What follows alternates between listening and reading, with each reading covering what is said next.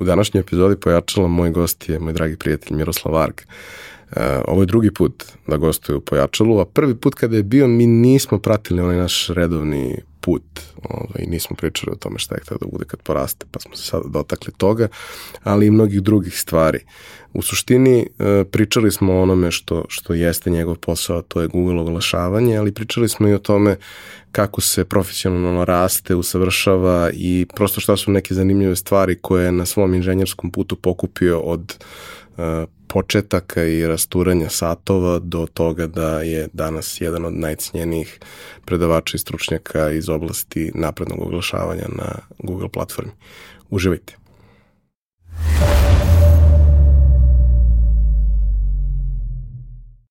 Realizaciju ove epizode podržala je kompanija Epson, koja je vodeći proizvođač projektora i štampača za sve namene, od kućne i kancelarijske upotrebe do profesionalnih uređaja koji se koriste od maloprodaje do industrijske proizvodnje. Već 20 godina u nizu proizvode najbolje projektore na svetu, a prvi štampač napravili su previše više od 50 godina. I dan danas svaki godinu ulože preko pola milijarde dolara u istraživanje i razvoj novih proizvoda sa fokusom na održivo poslovanje i očuvanje životne sredine. Upravo zahvaljujući tome, njihovi inkjet uređaj najnovije generacije prave 94% manje zagađenja od konkurencije uz maksimalan kvalitet otiska. I vaš mobilni telefon koji sada nosite i na kome nas možda slušate i gledate najverovatnije je napravio robot koji je stigao iz Epsonove fabrike. Roboti su super. Japanski roboti pogotovo.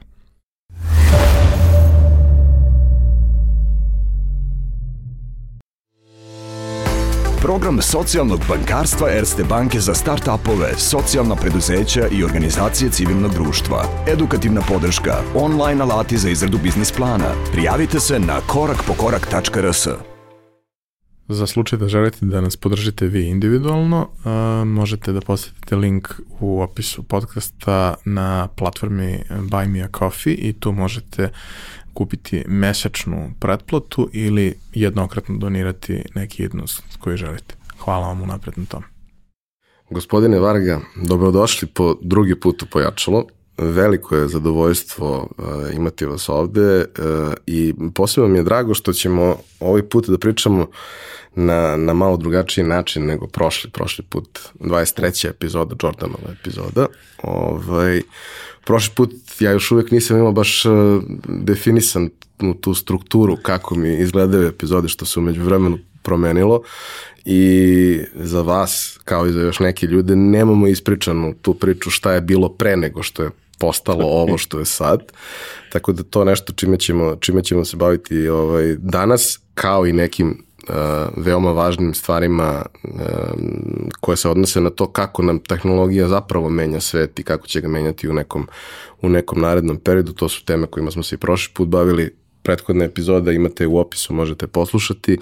Ja samo da kažem još jednom dobrodošli i hvala vam puno što, što ćete podeliti ponovo sa nama vašu priču. Puno hvala Ivane na pozivu, uvijek mi je super doć eh, kod ljudi koje iznimno poštujem i cijenim jer Eh, ono što sam naučio, malo je dobrih ljudi, a onda mislim da se tih malo dobrih ljudi treba držati skupa i držati zajedno i zato mi je, mislim, meni je inače uvijek veselje doći i vidjeti eh, ekipu i, i družiti se i napraviti nekakve happeninge veće ili manje, ali eh, što se tiče pojačala tu bit, to je ono, ja bih rekao, to je, to je kao akademija znanosti, ono, primljen si u akademiju ako si bio kod Minića, čak je važnije da si bio tu nego ovi što su u akademiji, bar, bar za našu akademiju pričam. u akademiju te prime dva dana prije nek što umreš. E, tek toliko da ne možeš reći da nisi bio. Ovdje sam došao baš sa veseljem. Kad sam čuo, baš me trebao sam i ranije doći. Nažalost, imali smo jedan incident pa nisam mogao, ali super mi je drago bilo kad sam vidio i poziv i, i želju da se opet družimo zadovoljstvo je isključivo moje. Bez brige. Uvek imamo ovaj, mnogo tema o kojima možemo da pričamo, a svakako jeste prošlo dosta vremena od, od prethodne epizode, više od dve godine i mnogo toga se umeđu vremenu desilo. Ja stvarno smatram za, za veliku čast i privilegiju što eh, redovno E, naletim na, na vaše komentare u našim epizodama, redovno e, vidim da podelite ponegde link, e, pratite to što radimo, to, to mi je ono, uz još par nekih sjajnih ljudi koji su mi prijatelji i kolege koji također rade to, jedan prilično jasan pokazatelj da ne treba da odustanemo od ovake neke priče, iako s vremena na vreme se baš i motivacija ovako ne bude baš na najvišem nivou, ali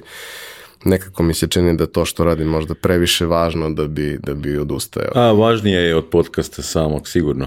Ali ono što sad, ja, ja sad neću hvalit nazad, ispašće da smo dogovorili uzajamno njegovanje statusa dive, a onda Sopran hvali Alta, ali to to još ovo Sopran, neću dalje više, super je, ali ovo je, ovo je, ovo većina E, onih koji bi trebali shvatiti važnost takvih e, događaja, takvih akcija ne shvaćaju i onda radije daju pare za neke druge stvari. Neću reći bolje ili lošije, samo druge stvari, a ovo je u stvari bit e, jer mladi ljudi nemaju priliku. Ljude koje sam slušao, koji su bili ovdje gosti, nemaš prilike njih srest na ulici je o, kako je tebi bilo, kako si ti krenuo, kakve ti probleme imaš. To možeš samo čuti na ovakvim mjestima, a to, to po meni to bi trebalo recimo lupam na pamet, ali mislim da bi to trebala komora financirati. Da li privredna, da li ova ili ona, ali komora i svi oni koji su zaduženi za biznis to moraju prepoznati kao ključ. E, da mladi ljudi ne krenu krivo, odnosno ne moraju biti mladi ljudi, ali novi poduzetnici, da ne krenu krivo, da ne krenu sa prevelikim, ali ni sa premalim očekivanjima, nego da im se realno pokaže kako je, kako, šta ih čeka, kako je stanje, koje su opcije i da nije uvijek lako, čak bi rekao da nikad nije lako. E, nije niko otvorio firmu i rekao, wow, to možeš samo u kladionici, moraš puno raditi i mučiš se. Mi smo, mi smo od početka postavili tu e, taj neki slogan ili taj neki light motiv cele priče da možda ne možemo da vam pomognemo ako ste odlučili da budete preduzetnici, jer to znači... Nema vam pomoći. niste, niste baš normalni, ali možemo da učinimo da se osjetite da niste sami i da ne prolazite sami kroz sve te stvari i da su neki ljudi pre vas prolazili kroz slične i kroz teže stvari, a da su opet na kraju uspeli da dođu do nekog lepog cilja kome su težili. Mislim, ono što, ono što sam ja naučio, postoji jasna razlika u definiciji Eh, kak, koji je čovjek tvrdoglav, a koji je uporan. Eh, onaj koji na kraju uspije, za njega kažu u, uporan je bio mu čast. A onaj koji nikad nije uspio ili još nije uspio, a je što je tvrdoglav, pa jel ne vidi da ne ide.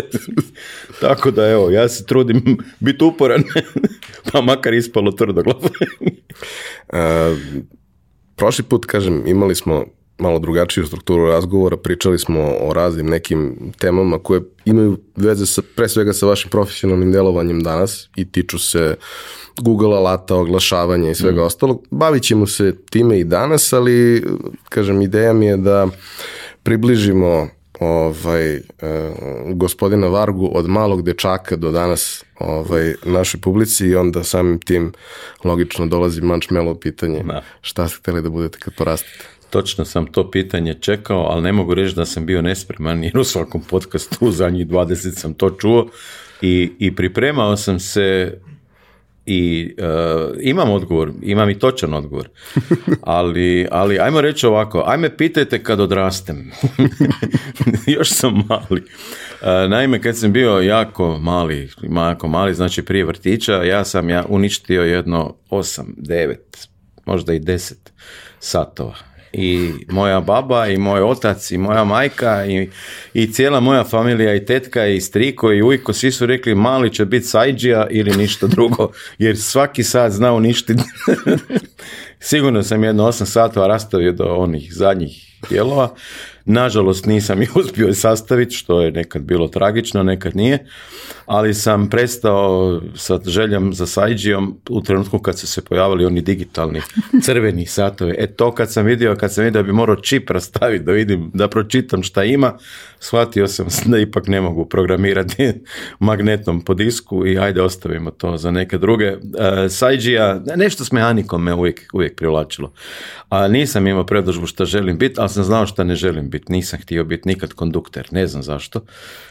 To, to mi je bila fobija, ono, malte ne, ako budem zločest, bit ću kondukter. Ne znam zašto, tako sam imao neki strah a sajđija i mehanika i, i čak me neko vrijeme vuklo i da budem automehaničar, ali opet elektronika je došla i izgubio volju. Jer ja sam, ja sam obožavao, e, recimo, mnogi, mnogi danas mlađi ne znaju za, za stojadina. Zastava 101 je bio auto gdje si mogao generalku napraviti s kombinirkama i komadom žice. To je bila mehanika za koju sam ja živio, gdje ti možeš svojim rukama intervenirati u sustav i nešto napraviti. Ti danas to više ne možeš.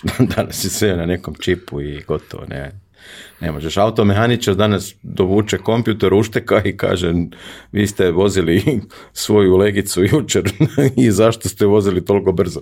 Mislim, to je tako. Nije, nije više vrijeme za nas ljude od ruku, nego je vrijeme za ljude od pameti. I tako da sam odustao od želje da budem ono što sam mislio da ću biti sajđija. A kako je išlo tokom školovanja? Ono, šta su bile stvari koje su vas zainteresovale ili bilo nekih ono, i predmeta i trenutaka u kojima je, nešto povuklo? Je, je, bilo je, ajde ovako, moja, moja je, eh, moram malo kontekstati, eh, sestra od mog oca, to, je, tomu mu dođe tetka, je bila profesorka matematike. I ja sam eh, imao nekad malo većih, nekad malo manjih problema s matematikom. Uh, neću reći da sam bio glup, nisam bio baš toliko glup, ali sam bio recimo ljen, to bi bilo dobra, e, dobra kombinacija ljenosti i gluposti. I onda me ona dohvatila i ja sam s njom radio matematiku nespašeno, nespašeno, ono, bio sam već blesav. Ali ono što sam znao, razumio sam. I onda sam u srednjoj školi, a išao sam u srednju školu to je nešto tipa metalski školski centar. Ono, mhm. e, na nivou škola tada kad sam ja išao to je bio dno dna. To ono, najgora škola, ali otac je rekao bolje da ideš tamo jer se nadam da ćeš proći nego da te upišem u gimnaziju jer znam da ne radiš dovoljno. I ja sam tamo u toj dno dna školi imao dva iz matematike. Eto, jedva, jedva dobio dva. Upišem fakultet, strojarstvo, ja sam matematiku briljirao se sa sam. Dolaze ovi iz matematičke gimnazije, pa kako? Pa kako to vama nije jasno? Pa ko te učio? Pa evo ovaj u Mši, ovaj profesor. Isuse Bože, to je, to je bilo ono, e, to je bilo čudno, ali zašto sam ja imao dva? Zato što je čovjek shvatio da ja znam, ali da sam ljen, da ja razumijem, ali mi se ne da. Ja sam predo test od pet zadataka riješio dva da bi dobio dva izašao van. Meni se ne da pet pitanja, jer meni ne treba više od dva.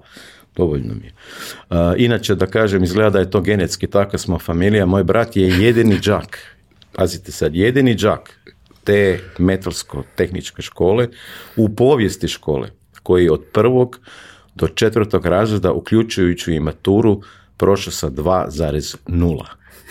Nitko nikada prije njega nije prošao sa 2,0. Prolazili su sa 5,0, sa 4,6, 3,6, sve su prolazi, on je jedini ever 2,0.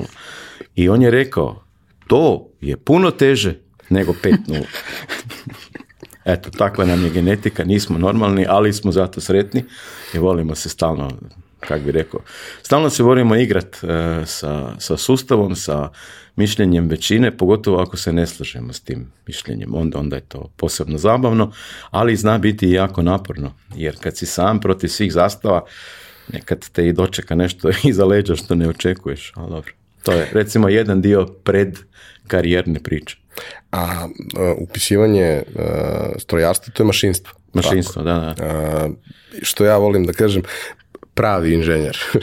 Čovjek koji je upisao nešto da bude pravi inženjer, a ne ove neke abstraktne inženjerske fakultete kakve sad imamo. kako je to izgledalo? Mislim, to jeste bilo vreme kada je mašinstvo bilo u ekspanziji. U, pa mi smo bili heroji socijalističkog rada. S čim si diplomirao, već si bio faca. Zašto? Zato što je u onoj državi inženjer mašinstva bio netko bio gospodin. Ali ja nisam zbog toga upisao, nego sam zaista upisao, pošto me taj dio mehanike, taj dio, uvijek sam volio uh, uh, shvatiti suštinu nekakvih stvari koje su meni bile važne, a meni je bilo važno da shvatim suštinu kako radi recimo motor, kako radi getriba, kako radi lift to me zanimalo, nije me zanimalo, ne znam, kako biraš radio stanice, šta znam, valjda je to nekom zanimljivo pa upiše nešto drugo. Niti me zanimalo kako nekoga izmasirati da ga leđa ne bole, svaki je imao svoje, eh, išao sam cijeli život nekako u tom smjeru eh, tog mašinstva, ali ne da budem mašinac, nego da shvatim ono što sam mislio da ću tamo naučiti.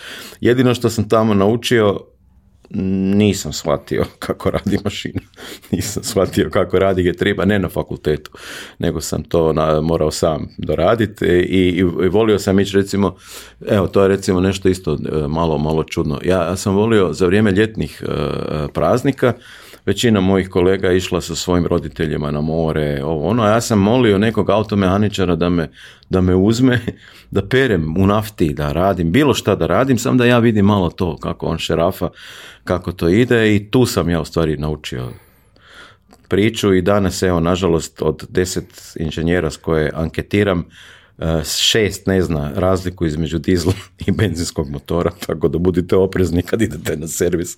Prvo pitajte majstora jer zna razliku između dizla i benzinca, pa ako zna onda mu dajte auto A e, fakulteti u, u to vreme i, i moj mator je bio ovaj, mašinic i on, on je voleo to i na kraju nije diplomirao prešao na ekonomiju iz raznih nekih razloga i vrlo brzo je završio. Delovalo mu je da je ekonomija mnogo lakša od tog mašinstva koje je studirao. I nama je to isto. Ovaj, ali znam koliko je voleo taj fakultet i koliko je tu bilo nekih interesantnih stvari kroz, kroz koje prolazi. Sad, primenjivost toga u nekom realnom sistemu je upitna. Ali šta su bile neke zanimljive stvari? Ne, ne, nije, nije, nije primenjivost upitna. E, ja bih rekao ovako, industrija za koju smo se mi školovali ili nestala. Nije primjenjivo stupitna, nego nema više te industrije, te vrste potreba na tržištu e, koju smo mi izučavali. Ali moram, moram se studija ispričati jedan detalj. Mašinstvo kao u, u bivšoj državi, onoj, onoj e, ono, koja se raspala, nekima nažalost, nekima na sreću, meni je bila dobra, ne mogu zred za druge. Puno ljudi je slalo, odnosno puno država, pošto smo mi bili nesvrstani je slalo svoje studente na naš mašinski fakultet, jer je to tada je bio cijenjen, odnosno to je bio fakultet e, strojarstva i brodogradnje. Brodogradnja je bila tada tek u povojima u Kini, u Koreji. A mi smo imali vrlo ozbiljna vrlo, vrlo ozbiljna brodogradilišta, vrlo ozbiljnu tehnologiju, e, bili smo u svjetskom vrhu kako koje godine u određenom segmentu e, brodograđevne industrije i e, tu sam imao puno prilika e, da se dotaknem sa raznim civilizacijama, sa ljudima iz, Afrike, iz Tanzanije, Etiopije, Ruande, Burundija, Južne Afrike, tako, iz, iz Kine, iz Koreje, iz, tako, iz Indije, bože me, baš puno. I nešto što mi je ostalo tada fascinantno, Kineza je došlo četiri na fakultet, četiri studenta i njih je otpratilo e, iz tadašnje ambasade e, tri otpremnika posla, ne znam ti, ambasador i tako. Svi su imali iste sive one uniforme, isto, sve isto, ne, ne znaš razliku. Znači student, diplomat, ambasador, svi isto. Samo jedna razlika bila. Ambasador je imao nalif pera. Otpravnik poslova je imao penkalu, onu kemijsku. Šef misije njihove, odnosno vođa tih studenta imao je olovku, ali sa gumicom. ova četiri studenta olovke obično. Kočinovi, tako su ih naslagali. I sad oni su imali tada, ajde da to, pretvorim možda u nekakve današnje e, uvjete, oni su dobivali e, Učbenike, hranu, stan, sve je plaćala kineska država i još džeparac reda veličine 10 eura. Tako. Nisi mogao kupiti 10 kutija cigara za, za to što su oni dobili džeparac i lik, je jedan kinez je za tri godine uštedio tog džeparca da se kupi bicikl koji je koštao reda veličine koji danas oko 300 eura ono.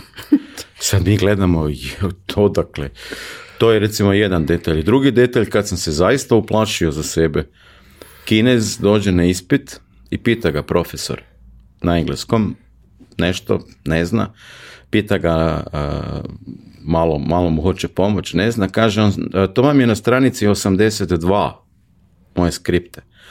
A, i krene čovjek pisat stranicu 82 na hrvatskom, ne znam, sve piše, sve, sve, uključujući i sliku koju je nacrtao.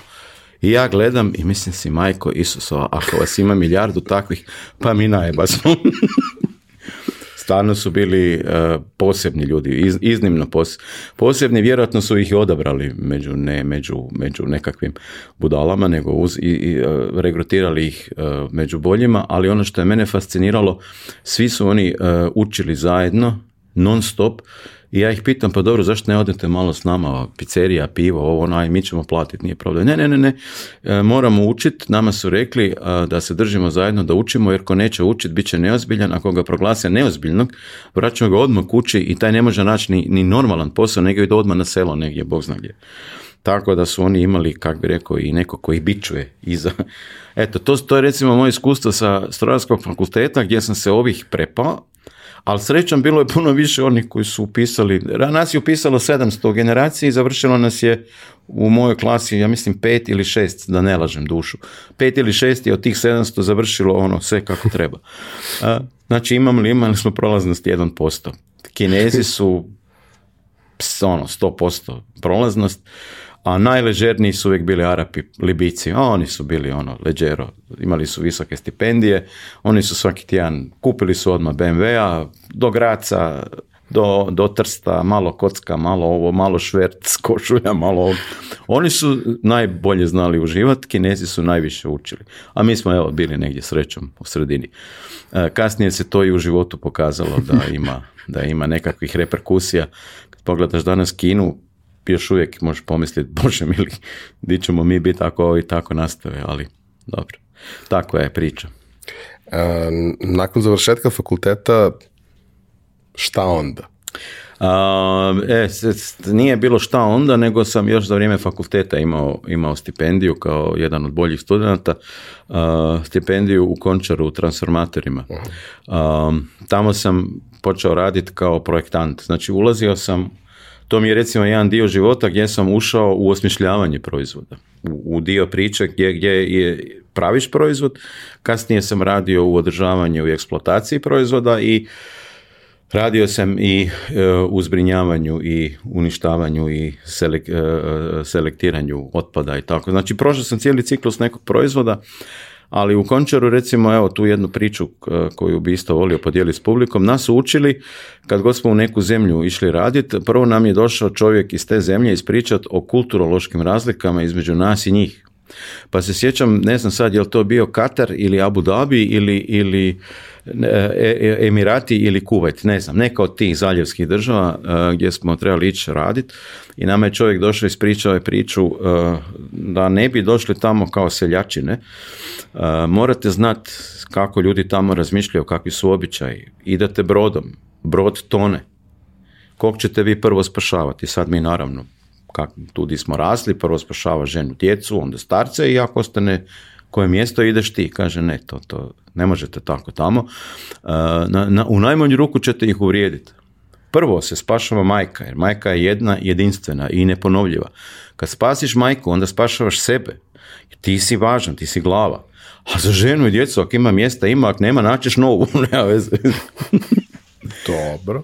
Recimo, to je jedan, to je meni bio jedan kulturološki šok. Drugi šok koji sam, kad su nas pripremali za Japan, i uh, kad smo trebali ići tamo i treći kad smo trebali za Mongoliju, to su tri onako baš, baš šok terapije, ne u smislu da sam se iznenadio, nego sam se čudio koliko smo mi u stvari uh, uh, iz okruženja iz kog smo izrasli na neki način ograničeni, da je ovo normalno što mi imamo, a nije normalno ono, a u stvari je i ono normalno i oni žive i oni postoje jednako dugo kao mi, čak su imali nekad i bolju kulturu i, i napredniju civilizaciju sve. Mislim da ne smijemo postati, što često, često vidim slučaj, postajemo egocentrični, ali ne zato što mi to želimo biti, nego zato što su nas tako odgajali. Kontekst iz kog smo izrasli nas je naučio ovo ispravno, ovo nije i onda kad dođeš di je drugačije, ono, e ljudi, ovo nije ispravno, u stvari, ono, taj pusti nas. Mi smo, mi smo tako živjeli. Tako da je meni i danas iz tog razdoblja ostalo, ajde ne, ne osuđuj, nemoj se iščuđavati, nemoj e, nametat svoje. Uvijek su me e, nakon tog, nakon tih lekcija me užasno užasavala priča o, o engleskim misionarima u nekom afričkom selu. Sad ćemo mi vama donijeti civilizaciju. Pa mrš, batinom bite istero. Pustite ljude, žive milionima godina ovako, izgradili su svoj sustav vrijednosti, nemoj nametati, nije pristojno, nije u redu. Ne treba to raditi. Pusti ih kako oni žive, pod uvjetom da oni tebe puste kako ti živiš. Ako te ne puste, onda ćemo se batinati. To je drugo. A šta je bilo zanimljivo vezano za, za Japan i Mongoliju? Pa za Japan recimo su nas učili da nikako ne pružamo ruku, to je bila naša, ono, kod nas je normalno, čim dođeš, ne guraš ruku sa vrata, ono, to se ne smatra pristojnom gestom. E, ne smatra se pristojnom gestom ako ti netko da vizitku sa dvije ruke, da mu ti daš sa jednom. E, postoji e, jedno pravilo, ako, ako dođeš kod Japanca u stan, što je najveća čast koju ti može iskazati, onda nemoj sjest na njegovo mjesto slučajno, nego pitaj ga nemoj sjesti, nego pite ga, prostite gdje smijem sjesti. Jer ako sjedneš na mjesto gdje je otec obitelji, mjesto ti si mu na neki način oteo obitelj, ti, ti, si ko da si ga ošamario. Tako da si mu došao, ono, sad sam ja gazda. Tako da ima tih nekih detalja koje, koji su me izbacili iz cipela. Ne mogu reći da je, da, da je to bolje ili lošije, ali mogu reći da je drugačije i da treba poštivati te stvari. Naravno, naročito ako ideš kod njih. Pa ideš kod njih, da, nisi, nisi, nisu oni. I kad oni dođu kod tebe, neće se naljutiti ako ih poštuješ i ponašaš se sukladno njihovim pravilima. Zašto bi ja njemu gurao ruku ako, ako se ne pozdravljamo rukama, nego se naklonimo jedan drugom. A Mongolija? A joj, tamo je opet bila druga, druga priča, tamo, tamo smo morali paziti eh, tamo su nas više, više upozoravali zbog, zbog e, u sustavu koji oni imaju, e, žene imaju određen hijerarhijski položaj i, i e, nije kao kod ovih sad talibana, muslimana, da su žene ono, određena bića koja imaju velike restrikcije, ali nemoj, nemoj, ako ne moraš, nemoj nikad ženu pogledati u oči. Nije, to, to nije pristojno, to je Malta ko da si ukresnio pred njenim mužem ne gledaju u oči, uvijek gledaju ili dole ili gledaju gore, ali bolje dole, jer dole pokazuješ nešto malo više pristojnosti. A, a mi normalno, prvi, prvi razgovor, ono, što ti mene ne gledaš u oči, ono, što, Tako da ima, ima. Mislim, ne, mogu, ne, mogu vam ispričati sve te detalje, još sam na, navrano i puno toga zaboravio, ali ono što mislim da fali, nama fali jedan predmet u školi koji, je, koji se zove komunikacija, da uopće djeca znaju razgovarati. Djeca danas više ne znaju razgovarati.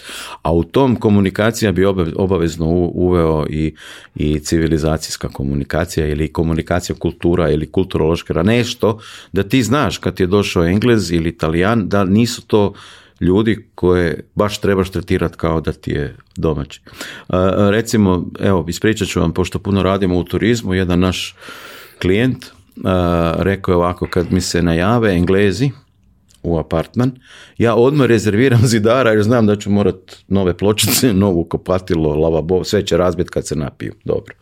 Kad dođu talijani, odmah rezerviram majstora, znam da ću morat krećit, čistit, popravljati. Kad dođu japanci, oni kad odu, a mi na podu ručamo. otprilike, ta, karikirana je priča, ali otprilike tako se odnose ljudi prema, prema tome gdje dođu. E, e, Kinezi nisu tako pedantni, Japanci su posebno, posebno pedantni ljudi. ja sam doživio u Japanu ovaj, pre nekoliko godina kad sam išao, imao sam tu privilegiju da prisustujem futbolskoj utakmici kao novinar, pa da imam pristup i uz teren, posle sam radio i neke intervjue i sve, ali doživio sam kako izgleda futbolska utakmica njihove lige gdje igraju neki velike svetske zvezde u tom trenutku su u, Visel Kobeu gde smo mi gledali ovaj utakmicu taj klub iz Kobea igrali uh, Lukas Podolski, David Vilja i Andrzej Iniesta i, i gomila lokalnih igrača koje ne znamo ko su, ali nije ni važno. Imaš trojicu ljudi koji su osvojili svetsko prvenstvo u svojoj karijeri i e, tribine su pune, navijanje je divno, tu su zastave, pevaju svi u glas, sve to super i ono kad se završi utakmica mi sad ono gledamo šta se dešava, oni idu redom i kupe sve, iza njih ostaje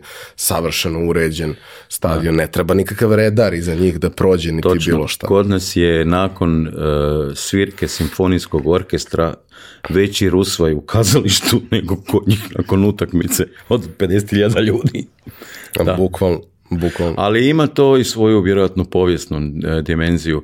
Da su svi bili neuredni, vjerojatno bi Japan plivao na smeću i ošao u klinac, ne znam. Puno ih je, malo je prostora, moraju paziti jako na, mm, na sve. Taj jedan moment meni koji je ostavio možda najjači utisak, ne mogu da krenem da mi se dopala kultura. Ne, ne, ne, ne pričamo o tome da li bi tamo htio živjeti. Ne pričam o tome da je to ono nešto, daj mi to i savršeno. Samo kažem, moraš biti svjestan razlika ne osuđuj, ali ni ne meći svoje. Ne, Da, da, ali, ali taj moment uh, koliko je priroda predivna i koliko oni vode računa da ona opstane koliko god to ostrvo bilo malo i prenaseljeno i sve i dalje mm. imaš neke, nekakve mm. ono... Puste dijelove, ajmo reći. Pa mislim, delove gde su šume, gde je uređeno, mm. parkove velike, gde je stvarno milina, milina šetati. Mislim, ja nisam neko ko voli da šeta, znaju to moji prijatelji, uglavnom ja ne možem naterati da prošetam po Beogradu, nema šanse, ali kad odem negde, to mi je jedna od najlepših stvari koje mogu da uradim, jer tako ću najlepše da upoznam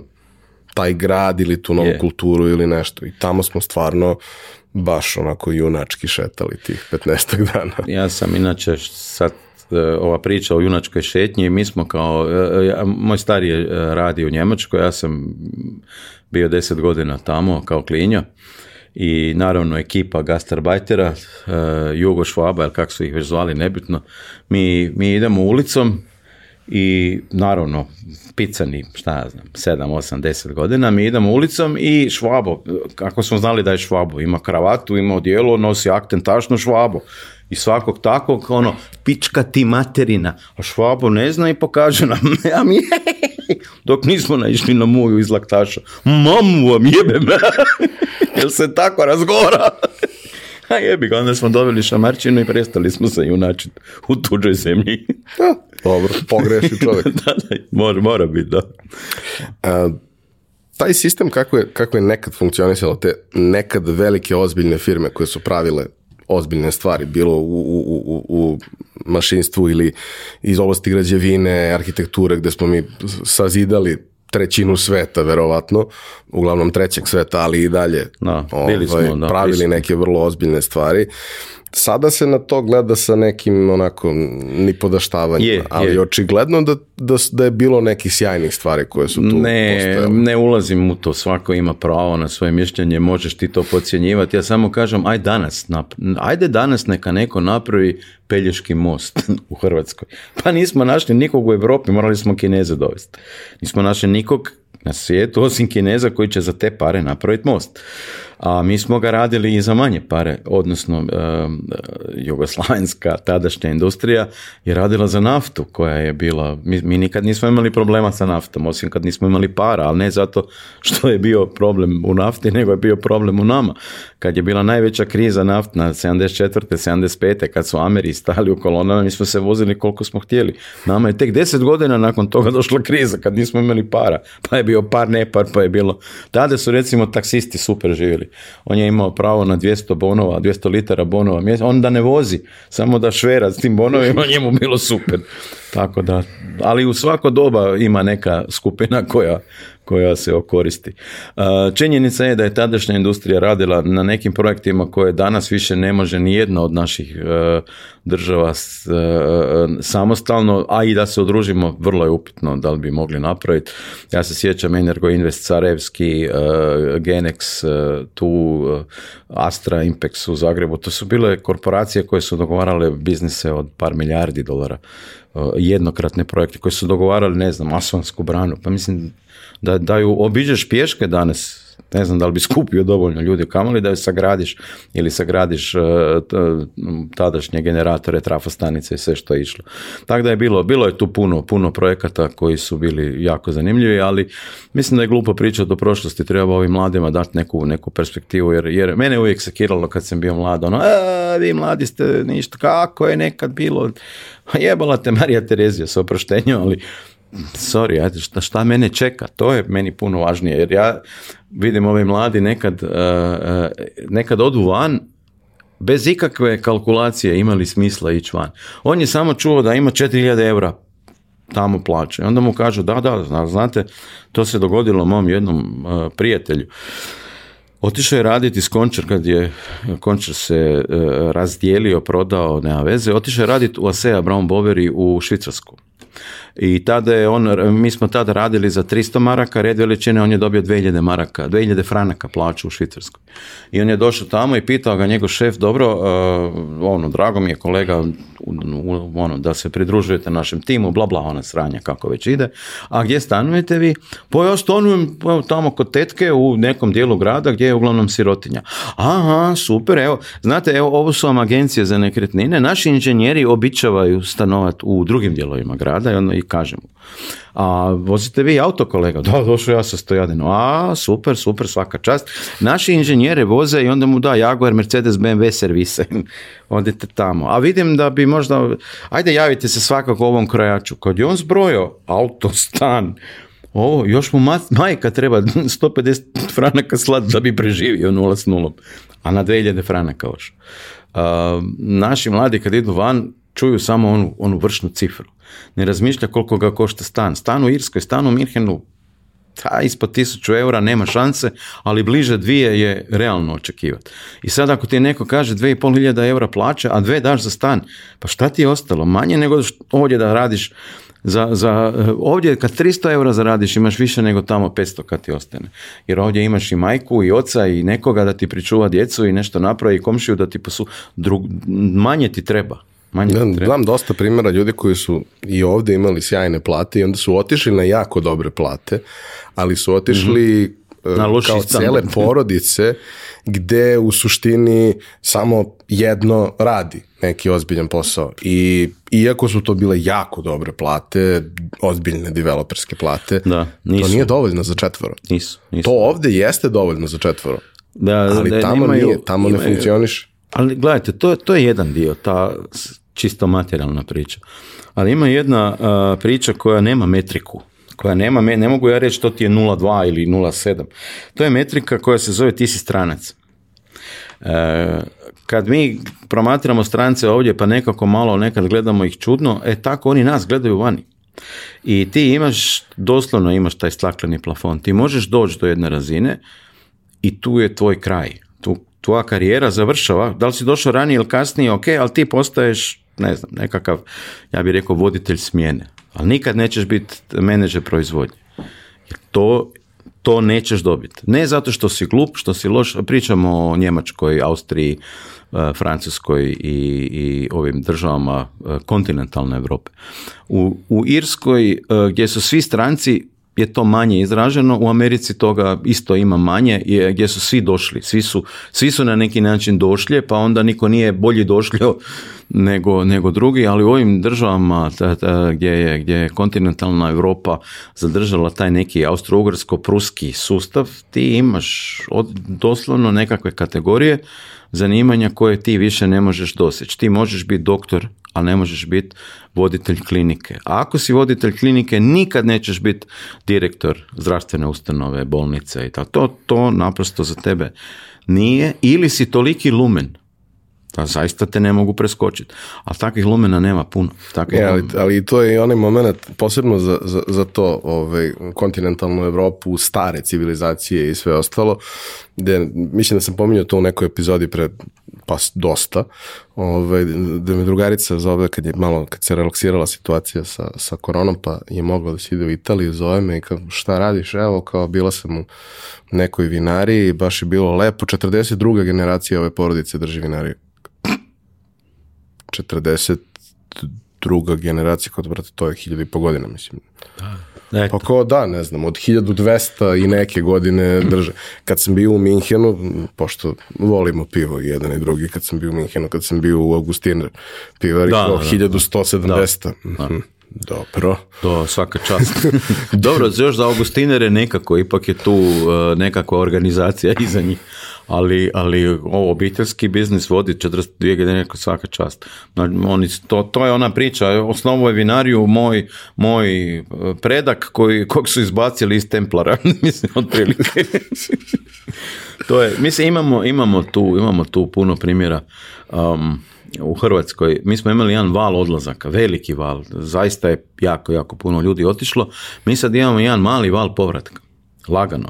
Ljudi su ošli, e, neki su se razočarali, neki su se operjali, neki su postigli što su htjeli, ali ljudi se lagano vraćaju. I e, vraćaju se sa nešto novih znanja i sa nešto ušteđenog kapitala. I sad se nadam da će se to nekako ubrizgati u tu, u ekonomiju da će nastati neki, neki novi skok, ali nisam siguran da, da, li je, da je sustav spreman na to. Jer vani kad si naučio da administracija tebi servis i onda dođeš na Balkan gdje je administracija tebi i ručna i rikverc, onda, onda pucaš po šavovima i mentalno i svako jako. i onda se vjerojatno mora nešto i promijeniti. Tu mislim, tu mislim da će ti ljudi koji se vrate donijeti neku novu, nova očekivanja od sustava. Jer mi smo, mi smo, jučer sam baš čuo dobro definiciju. Mi smo još uvijek dobrim dijelom dogovorna ekonomija. Aj, dogovorit ćemo se, nisam ja i tako. A ovi ljudi nisu spremni na tu priču jer su radili vani i svojim znanjem, svojim trudom su došli do nečeg, pogotovo ovaj dio developera. E, na kraju oni nisu normalni, ajde budimo iskreni e, i bila je tu i gospođa Đamić pa je lijepo rekla 20% ljudi koji radi u silicijskoj delini je na spektru autizma. To oni nisu normalni. Ne kažem da su ludi, daj, nego nisu normalni. I ti ljudi kad se vrate neće imati strpljenja za odnose kako je, kako je izgradila dogovorna ekonomija. Tu će doći do velikih unutarnjih e, napetosti, siguran sam. Jer dovoljno je da se da se pokrene priča. Evo sad imate u Hrvatskoj jako zanimljivu priču. Uh, Udruga Glas poduzetnika uh-huh. pokrenula je priču i komoru, zaista su komoru uzdrmali do te mjere da, da je vlast donijela zakon da mikro i mali ne moraju plaćati više komoru. A to je njima 70% prihoda. Uh, jer komora je u biti kao dodatni porez za budalu. Mislim, meni nikad, meni nikad to nije bilo teško platiti, ali mi je bilo glupo i žao platiti. Imao sam para da to platim. Ali zašto, brate, da tamo neki, neki majmun, konkretno sad je kod nas majmun uh, predsjednik komore, diplomirao je u Banja Luci kod gazda, gazda Laze, e, doktorirao je u Osijeku, neću reći da je platio, ali svi u HDZ-u koji su doktorirali, su doktorirali u Osječkom, ekonomskom fakultetu, ne tvrdim da su platili još jednom da me ne tuži neko, nego eto baš u Osijeku je naj, baš najbolje u Osijek doći na ekonomiji doktorirat. Doduše, mnogi su sad pred plagijatom, pred tužbama, oduzimanjem, ali to valjda nema veze, to je tako, poklopilo se slučajno. Mislim da je to krivnja mentora, ne fakulteta ili tako. Ali ono što je bitno eh, i što mislim da je, da je važno, eh, eh, novim idejama koje pokazuju da nešto ne valja, E, se vrlo rado i vrlo brzo pridruži velik broj ljudi koji kažu car je gol, stvarno, ajmo to, to sad ne valja. I ta inicijativa je dobrim, dobrim uh, dijelom uzdrmala komoru. To je baš bio ono koljenom u rebra i sad ovaj kaže morat ćemo otpuštati ljude. Pa daj Bože da si prije napravio nešto dobro, da ne moraš otpuštati ljude, da ljudi kažu ne daj digni još duplo komorski doprinos, ali si mi pomogao u bilo čemu. Jer oni su... Uvek se, uvek se svodi na to da uh, se ti sebi postavljaš pitanje, nije, nije stvar u tome da li ti imaš da platiš tih nekoliko hiljada dinara ili nekoliko desetina eura, nego ali zašto ja to radim? I ako se osjećaš glupo svaki put kad to radiš, Nešto vremenom će se akumulirati frustracija. Hoće. I to se, i to se događa. I to sa ti jednim dijelom taj neovisni poduzetnički milje, drugim dijelom povrtnici i trećim dijelom mi koji radimo za tržišta gdje mi dogovorna ekonomija apsolutno ne zanima. Ima tu još jedna stvar koja mislim da, da je negdje zajednička za sve to, to je što e, u, u, u našem društvu postoji mnogo ljudi koji moraju da trpe određene stvari zato što nemaju izbor. Ali postoje i ljudi koji ne moraju da trpe ništa i koji imaju veliku fleksibilnost i, i u donošenju odluka i koji suštinski mogu da žive gde god žele i da žive pristojan život. Nisu ovisni ni, ni o kome u sustavu i stvarno mogu birat. E, poziciju gdje mogu biti fizički poziciju i poreznu poziciju i, i svoju životnu poziciju i to će na kraju i morat natjerat e, jednu priču da se, da se doradi. koji su to ljudi koji su jadni? E, to su oni ljudi koji rade poslove gdje su ovisni o nečem i to smo pričali baš malo prije ove emisije. To su oni koji će zahvatiti AI i machine learning, njih će malo, njih će malo stresati. I sad dolazi famozno pitanje, a šta to donosi? I koja Dobro, ali svaka vrsta, te e, tehnološke revolucije koja se je, desi e, služi da se proces proizvodnje pojednostavi, eliminišu greške, pojeftini i tako dalje i kreće od ono najbanalnijih stvari. A sad lagano ide ka, ka kompleksnijim i E, ljudi će ostati bez posla, to je neminovno. E, e, AI, robotizacija, automatizacija, 3D, IT, što hoćeš, mijenjaju odnose na, tržištu rada. Ja, ja imam točno formulu gdje svako može sebi izračunati za koliko vremena će ostati bez posla. Ako se tvoj posao koji danas radiš može opisati algoritmom, ti ćeš ostati bez posla u roku pet godina najviše. Ako se tvoj posao 50% može opisati algoritmom, nakon 10 godina tvoj posao više ne postoji. Neće, ne, radit će ga neko drugi. Ako tvoj posao može algoritamski biti opisan 10%, imaš realnu šansu da ćeš dočekati radiš taj posao mirovinu.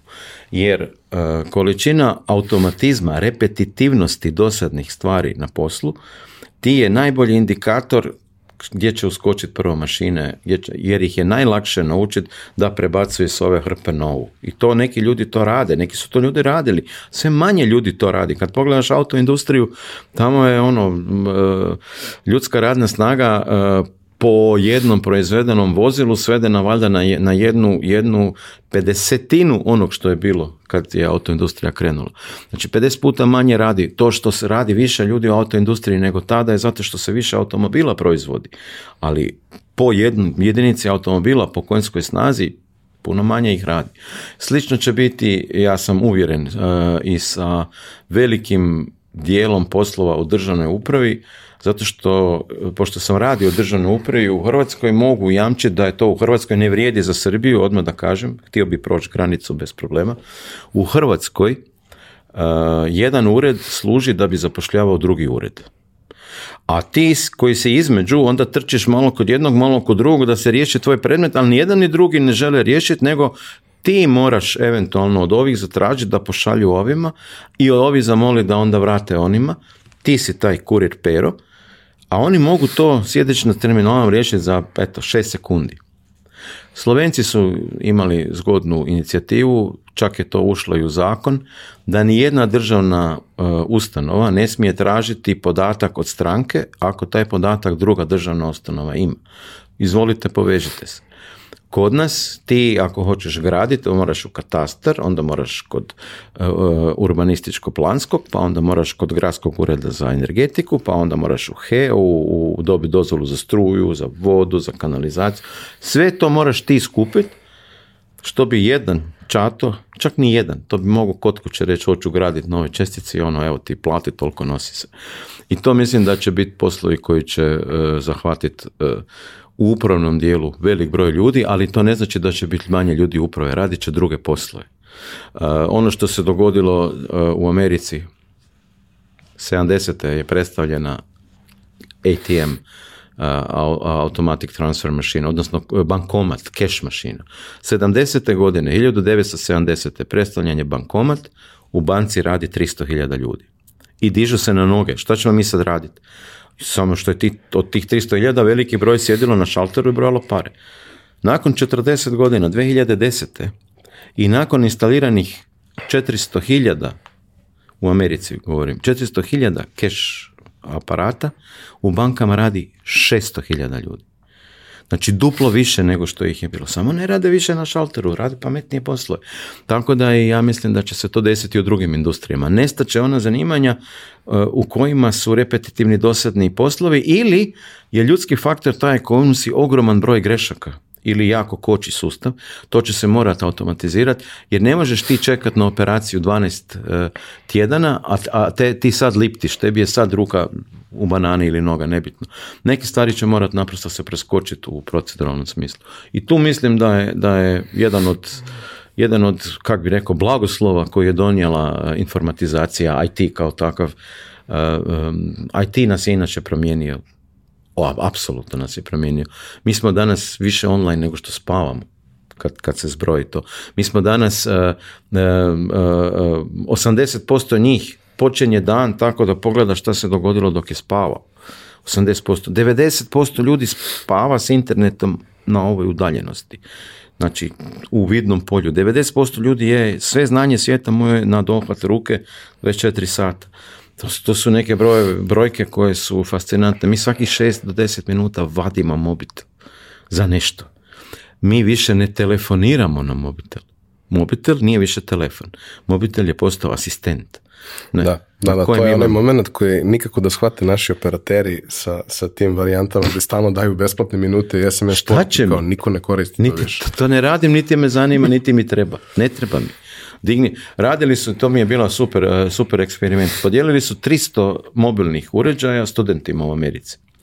I e, mjesec dana da se služe i da zapišu sve čudno što su primijetili. A 150 uređaja je moglo telefonirati, a 150 nije moglo telefonirati. Znači, mobitel, onaj pametni telefon, samo 150 ne može. I da oni bilježe šta je. Nakon mjesec dana niko nije zabilježio da nije mogao nazvat drugog. Niko nije zvao mjesec dana nikoga.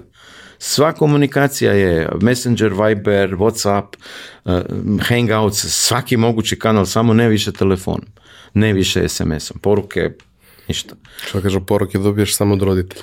Pa danas skoro, danas skoro, evo ja, ja imam, eh, imam dva telefona, nažalost, takav sam, eh, imam jedan normalan i jedan koji služi zato što je to stara Nokia, jedan je sentimentalan razlog, ali drugi zato što ne znam prebaciti iz memorijske kartice hiljadu adresa u novi telefon.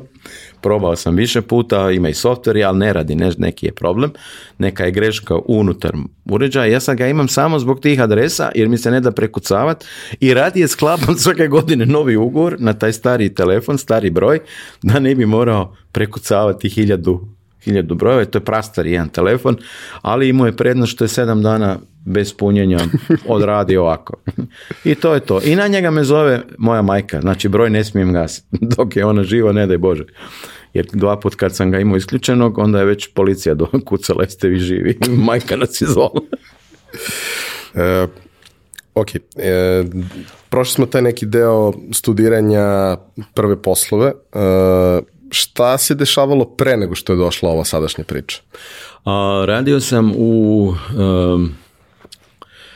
kako da to opišem? E, prvo, prvo e, nakon, nakon, e, nakon Končara, nakon projektiranja, ošao sam raditi u javni prijevoz, prvo u Zagrebački Z, onda u Osječki GPP, gradski prijevoz putnik, na održavanje autobusa, tramaja, bla, bla. E, nije mi se baš dopalo to, e, ne toliko što mi se nije posao dopao, nego jednog dana je naprosto u crnom audiju došao jedan važni novi direktor, smijenio starog direktora, dao mu je 15 minuta da očisti stol, a meni je stari direktor bio baš super lik, baš smo se, baš mi je lego uh, i, i, i, dragi moj, i prijatelj, rekao bi, drago baban, došao je jedan koji ima nadimak talijan, zato što je mafiozo, došao je po nekakvim svojim kanalima, E, ovaj otišao, ja sam odlučio otići također jer mi se nije to dopalo i otišao sam nakon toga raditi u svoju firmu. Odnosno prvo kod jednog privatnika, kod jednog automehaničara, što zvuči čudno, ali ja sam od tog automehaničara naučio više o prodaji, komunikaciji i komercijali nego sve godine školovanja i sve godine svog profesionalnog rada do tada. Ja sam naučio kako se treba prodati, odnosno kako prepoznat potrebu čovjeka koji ti je ušao u salon. Jer on je znao reći, e, ovaj će kupiti Audi, vidjet ćeš. I na kraju čovjek izađe iz salona Audi. I ja gledam i ne vjerujem, ja, ja sam ono ostao tako malo zbunjen, ali sam puno naučio. I nakon što sam puno naučio, eh, ima, bilo je tu nekih, nekih manjih stvari koje nisu sad ni bitne, ali odlučio sam krenuti u svoju firmu eh, sa, sa eh, kolegama s kojima sam radio i mi sjednemo, dogovorimo, svaki napiše na papir što želi nakon deset godina. Uh, ovaj je htio stan, ovaj je htio auto, bla bla, nebitno, ja sam htio nešto i mi svi napišemo na papir i kad koji dobije svoj cilj, može šta hoće, može ostati u firmi, može otići s firme, nebitno. Ali svaki je radio kao mali profitni centar unutar firme, ali ja sam rekao ja hoću biti direktor jer ako dođe do onog da se ne možemo dogovoriti, onda će biti po mom. Oni su to pristali, ne znam zašto taj šefovska crta, ali ja sam bio šef i one bivše firme, pa valjda je to nasljeđe. I mi krenuli raditi s planom da deset godina svaki svoj papirić ispuni, eto mi smo nakon a mislim da nije prošlo pet godina, mi smo svi ispunili svoje želje. I onda je posao postao monoton s jedne strane, a s druge strane postao je užasno naporan, ne zbog posla, jer ja sam otvorio firmu da bi radio što bih htio raditi i to sam volio raditi, nego zato što nisam mogao to raditi, nego je 90% problema bilo vezano uz upravljanje ljudima gdje sam ja jako, jako tanak sa živcima, e, ne mogu baš, ne, ne, nemam onaj fini skill set, e, empatija me hekla, mislim ja nisam nikad nekom mogao reći, ja ajde da se ne sekiraš, ali moram ti reći, nego ej majmune što ste to napravio, to je otprilike bio moj, moj način komunikacije koji nije baš plodonosan pogotovo još ako si vlasnik i onda to i bullying i svašta nešto, nisam bio dobar, ni, ni dan danas nisam dobar da, da vodim ljude i ne želim voditi ljude i zato što nemam strpljenja. nakon tih pet godina, još smo, još smo radili jedno pet godina i ja sam na kraju firmu poklonio, prepustio onom koji je htio. Znači svojim zaposlenicima, bilo nas je u to, ta, ta firma je bila od 93. do 2003. firma postojala. E, šta smo mi radili? Ja sam jako volio hidrauliku i pneumatiku, bio sam ekspert za za to, a nas je u to vrijeme u Slavoniji bilo troje, znali smo se svi mašinci, svi dva i generacija, studirali smo zajedno, hidraulika, pneumatika, jedan se specijalizirao za šećerane, jedan se specijalizirao za velike firme, pikove i, i tu industriju, a ja sam, se, ja sam išao s malima, jer ovi su već imali tržište velikih, ja sam ušao raditi s malima, sa malim mehaničarima, garažama, e, radionicama za popravak, gdje god ima neki kompresor, neko ima problem. E, I tu sam baš, baš bio sretan s tim poslom, poslom, um, od toga što sam ja mislio da ću raditi 100% hidrauliku pneumatiku, ja sam radio možda na kraju 10%. A ostalih 90% ovom treba službeni auto da tetku vozi u bolnicu, ovom da kera vozi na šišanje, ovom da ženu odveze na vikend i tako neki, neki mučne, mučne neke situacije u kojima onda kažeš niko neće auto dobiti, ne dam, nije auto tu vaša prčija, a e, onda se sva tri naljute i tako. Mislim, ne znam upravljati ljudima, to sam naučio. A, a šta sam radio s tom pneumatikom što smo radili, kupovali smo, nismo kupovali, nego smo tad su kompenzacije bile glavna priča, kompenzirali smo na kartone, kartone smo slali u Italiju tvornicu San Pellegrino preko, preko e. mog kuma. San Pellegrino je pravi ženske čarape tada, jednu od boljih, onda smo uvozili te čarape, onda smo te čarape prodavali u prodavnica i tu smo došli do keša. I opet smo kupovali pneumatske ventile koje bi mijenjali za kartone, pa bi slali tako malo. Je, trebalo je da složi se ciklus, ali kad se ciklus složio, išao je samo od sebe. I u svakom koraku nešto malo zaradiš i, naprosto je posao postao dosadan. Doslovno je dosta. Ljudi misle joj da mi je doći do para. E, ljudi krivo gledate. Kad dođeš do para, bude ti dosadno. Majke mi, bude ti dosadno. Ja nisam znao sad po, povećati svoje ciljeve, da dođem do još para. Jer uvijek su mi bili ljudi čudni, ono, daj mi još, daj mi još, ti su možda bolesni, ne znam. Ja sam rekao šta je moj cilj da postignem za deset godina. Kad sam ga dostigao, ja nisam imao želju ići dalje, jer, jer morao bi uložiti puno više onda mučenja sebe i svega, nego sam rekao, evo vam firma, ljudi ko hoće, nek se, nek se potpiše, idemo kod bilježnika, odmah firma vaša, ja odo iz firme. To je bilo dvije, druga, dvije, treća, tako nešto. I ja odem raditi u državnu službu. Tad su moji došli na vlast i ajde ja odmah postanem pročelnik za razvoj tu sam bio vrlo uspješan pročelnik nepune dvije godine, uspješan u smislu da sam apsolutno poludio.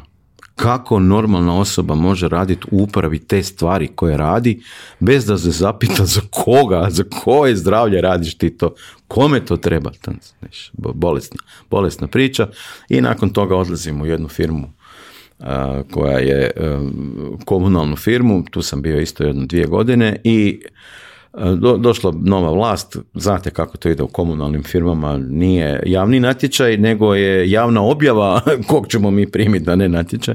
Uglavnom dolaze drugi, razilazimo se u dogovoru i odem i mislim si tada imam dovoljno, imam, živit ću ja sad od, od najma kao penzioner i ja najsretnija osoba na svijetu.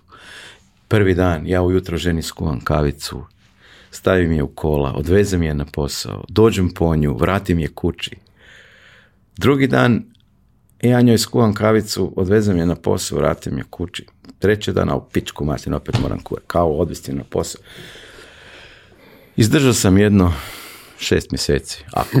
Svaka čast. Ako. I uzeo sam prvi oglas, ali doslovno prvi oglas koji je bio, gdje je bio natječaj i javim se u Escape. A, doslovno prvi oglas koji sam našao u taj dan. I dođem kod njih, još sam im rekao, ajde, ok, ako me hoćete, super, uh, radit ću bez plaće, samo da sam, da imam ono, e, došao sam u prvog svibnja, prvog maja radit, ali prvog devet, rekao sam, rekao sam, ajde, do prvog, prvog maja dolazim, do prvog devetog da vidim uopće, jel si pašemo, niti vi meni trebate, niti ja vama, ali ajde, meni treba samo da sam među ljudima, da imam kog zajebao na neki način. I došao sam tamo i baš mi je leglo. To mi je leglo. Leglo mi je kad sam otkrio Google AdWords. Naime, cijeli, cijelu karijeru koju sam radio sam shvatio da ima jedan veliki problem. Inženjeri ne znaju prodavati. Inženjeri imaju jedan, jedan problem komunikacijski, kakav god, ali ne znaju prodavati ne shvaćaju da prodaja nije uvaljujem ti nešto, nego prodaja je vrlo plemenit proces, rješavam ti problem, brate, koji ti niko drugi ne može riješiti. Ja sam uvijek mislio, gle, uvalio sam u ventil, nisam, jer on, on nije znao kako bi riješio taj svoj problem. Ali kad sam vidio Google AdWords, onda sam shvatio u stvari, pa Google mi rješava taj problem. Google prodaje za mene, odnosno rješava problem za mene onom koji traži, jer kad netko traži, ne znam, GFUF na GL12 kroz 3, pa ne traži to što mu je dosadno, nek što mu treba i to sad. I kad, je, kad sam to vidio, to me naprosto preuzelo me. Ono što bi rekli, baš preuzelo to. Nisam, nisam, više ni trenutka se nisam makao od Tome To me, to me toliko oduševilo, toliko mi je bilo, kako bi rekao, moj, to je moje, to je to, to je to. I tad ide ta priča od, do danas. U tom trenutku, da kažemo, firme kakva je bila i Escape e, su nudile nekakav širi spektar usluga, da, nisu bile specijalizirane. Nisu, to sam potrošio skoro tri godine da ih, da ih, e, da, da im objasnim da fučkaš web stranice, ajmo raditi Google AdWords. Skoro tri godine sam svaki dan i Zorinu i Damiru, mojim osnivačima i direktorima, daj ljudi pustimo webove. Vidjeli su i oni da webovi ne idu, e, odnosno e, Escapios su osnovala četvorica studenata, tada još jedan od njih je otišao malo nešto ranije, on je u, upravi završio, drugi je otišao dvije i 2010. mislim tako nešto, to je bio Tomislav Bilić, on je osnovao super firmu Inču, mhm. e, znači stvarno e, M, M Escape, M Inču, još jednu nek naprave, ja sam ono Nobelov iz ekonomije, brat. E, dobra je firma i radi neka rješenja, a ja sam ostao tu u escape koji je malo, kak bi rekao, E, bio je to šok kad su se e, suvlasnici razdvojili, ali su nastavili raditi webove i e-commerce rješenja, ali to nije, to nije novac. Evo, evo svi koji rade webove, da, da vam kažem, web je projekt i kad je projekt gotov, idemo svi na svoju stranu.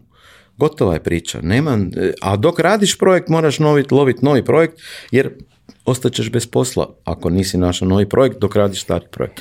Stalno grč, stalno novi projekt, stalno nešto i onda nekad uzmeš i tri projekta znajući da ih ne možeš završiti, samo da ne ostaneš u rupi e, i tako. Jer tu. ima fiksnih troškova. Da, da, jer ima fiksnih i svakog troškova. E, a AdWords je priča u kojoj ako si dobro napravio, klijent ti sam dođe sljedeći mjesec, koliko možemo sad, a šta sad, ajmo mi još malo više. I tebi, tebi kumulativno i organski raste AdWords, u poslovanju, a, a, webovi su ti sranje, s oproštenjem, zato što svaka, svaki mali koji voli, vozi viljuškar je za onog direktora koji je nepismen autoritet, jer on radi Excelice jebote i on mu radi web za 300 eura, a mi u to vrijeme radimo webove za 8-9 hiljada eura. I ne, ono, i, svi nas pitaju jeste vi normalni kad je ovaj mali rekao 500 eura. To jeste vi, zašto? Zato što ljudi ne znaju šta mi radimo, a šta on radi. I, tu je bio veliki problem. Naši webovi su bili uvijek visoko optimizirani, imali su custom, tem, nisu imali template nego custom design, ali nebitno. Uglavnom nama je trebalo 6 do 8 čovjek mjeseci za web i to ne može koštati manje od 6 do 8 hiljada eura. Nije moglo. Bruta plaća minimalna developera je tu negdje. Znači imali smo uvijek, uvijek smo bili jako skupi i jako su bili nezadovoljni, a mi uvijek na rubu i na nuli. A s Edwardsom je priča potpuno drugačije, Dobar, dobar account manager može sigurno vodi 10 do 15 accounta, a tih 10 do 15 accounta ostavljaju i tebi i firmi i, i, i, i radniku dovoljno prostora da može se posvetiti tome ozbiljno i da još ostane nešto u, u poduzeću. I zato je Edwards s druge strane kao promjena posl- biznis modela firme, reinženjering firme, ajmo reći, bio, bio dobar važan za Escape. A, kako se sam AdWords menjao kroz vreme? AdWords se mijenja, nevjerojatne su te promjene. Ne bi sad uopće htio, htio e, tumačiti, ali recimo početak AdWordsa, znači početak Google Edwards oglasa, je išao na način da je došao trgovački putnik sa akten u firmu i rekao koliko bi vi klikova kupili ovaj mjesec da vas stavimo i onda bi vi kupili 5000 klikova i platili avansno, ugovor se potpisao i kad se 5000 klikova desilo došao bi opet novi aneks ugovora.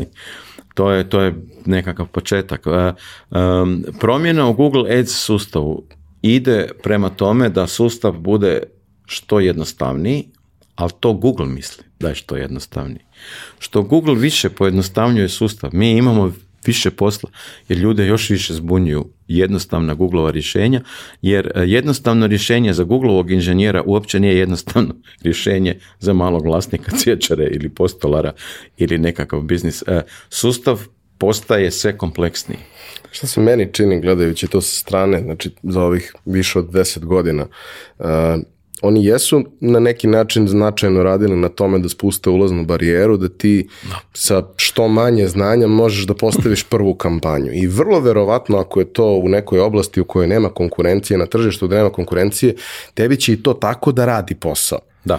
Problem nastaje ako si ti u nekoj oblasti, niši, nekoj koja je kompetitivna, gde moraš da probaš da izvučeš sve ono najfinije, jer će u suprotnom i dalje to da radi, ali će previše da te košta. E, upravo to se događa pojednostavljenjem, e, odnosno Google je snižavanjem barijere i olakšavanjem uvodio takve kompromise na autopilotu da on uh, samo guta pare može čovjek doslovno doći, staviti karticu, reći ovo je moj URL, napisati dvije, tri poruke, uzeti dvije, tri riječi, doslovno to može svako napraviti i krenuti s kampanjom.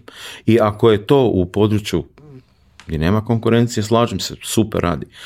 Kad je to u području gdje, gdje, je e, ta, ta, što vole reći ovi teoretičari, crveni ocean, brate, ne možeš, to ne možeš sam više upravljati. Tu jedna, jedna žmikica ti znači e, nekad 15% skuplja kampanja. Samo jedna žmikica sa, sa možda i lošijim rezultatima. 15% si budžeta bacio jer nisi vodio računa. I tu sad mi imamo sasvim drugačiju poziciju nego prije. Meni je prije bio problem ljudima objasniti što je Google AdWords, i da opće krenu, a nama je danas glavni, glavni upit koji dolaze, jel možete vi tu nešto napraviti, imamo kampanju već godinama, ali sad je ostala bez zraka, ne radi dobro, ne radi ko nekada. Naravno, ušla konkurencija, ušlo puno njih i tu sad moraš, možeš sam, ja mislim da ne ispadne sad mi neki lumeni, pa evo mi radimo. Svako može sam raditi Google Ads. Samo mora bi odmah u trenutku kad odluči ja ću raditi Google Ads, uh, za prva tri mjeseca odvojiti četiri sata dnevno, a za svak, sve dalje mora odvojiti otprilike 2 sata za praćenje novosti u Google i dva sata za praćenje kampanje. Znači i dalje četiri sata samo drugačije. Na jednu kampanju trebaš četiri sata raditi ako želiš da ti ona stalno bude u top poziciji. A ako radiš 4 sata na Google Ads, ostaje ti još 4 sata za tvoj osnovni posao, a moraš nekada raditi nešto i za knjigovođu i za poreznu, znači tvoj osnovni posao je pao na 2 sata dnevno. Nemoj onda više raditi cipele, onda budi Ads agencija i nudi drugim ljudima Google Ads i ne možeš raditi svoj posao da pratiš kampanje da ti budu na vrhu e, kako, kako se mijenja. U Google u prosjeku ove godine svaka dva tjedna jedna ne beznačajna, ne baš beznačajna izmjena. Recimo jedna od, od izmjena, e, jedna vrsta ključnih riječi je potpuno izbačena iz upotrebe. Nema ih više, ne koriste se. A, a nema, nema kampanja gdje ljudi nemaju tu vrstu ključnih riječi i nisu prebacili jer nisu pratili, nisu gledali rade te riječi i dalje, ali ne rade onako kako su nekad radili.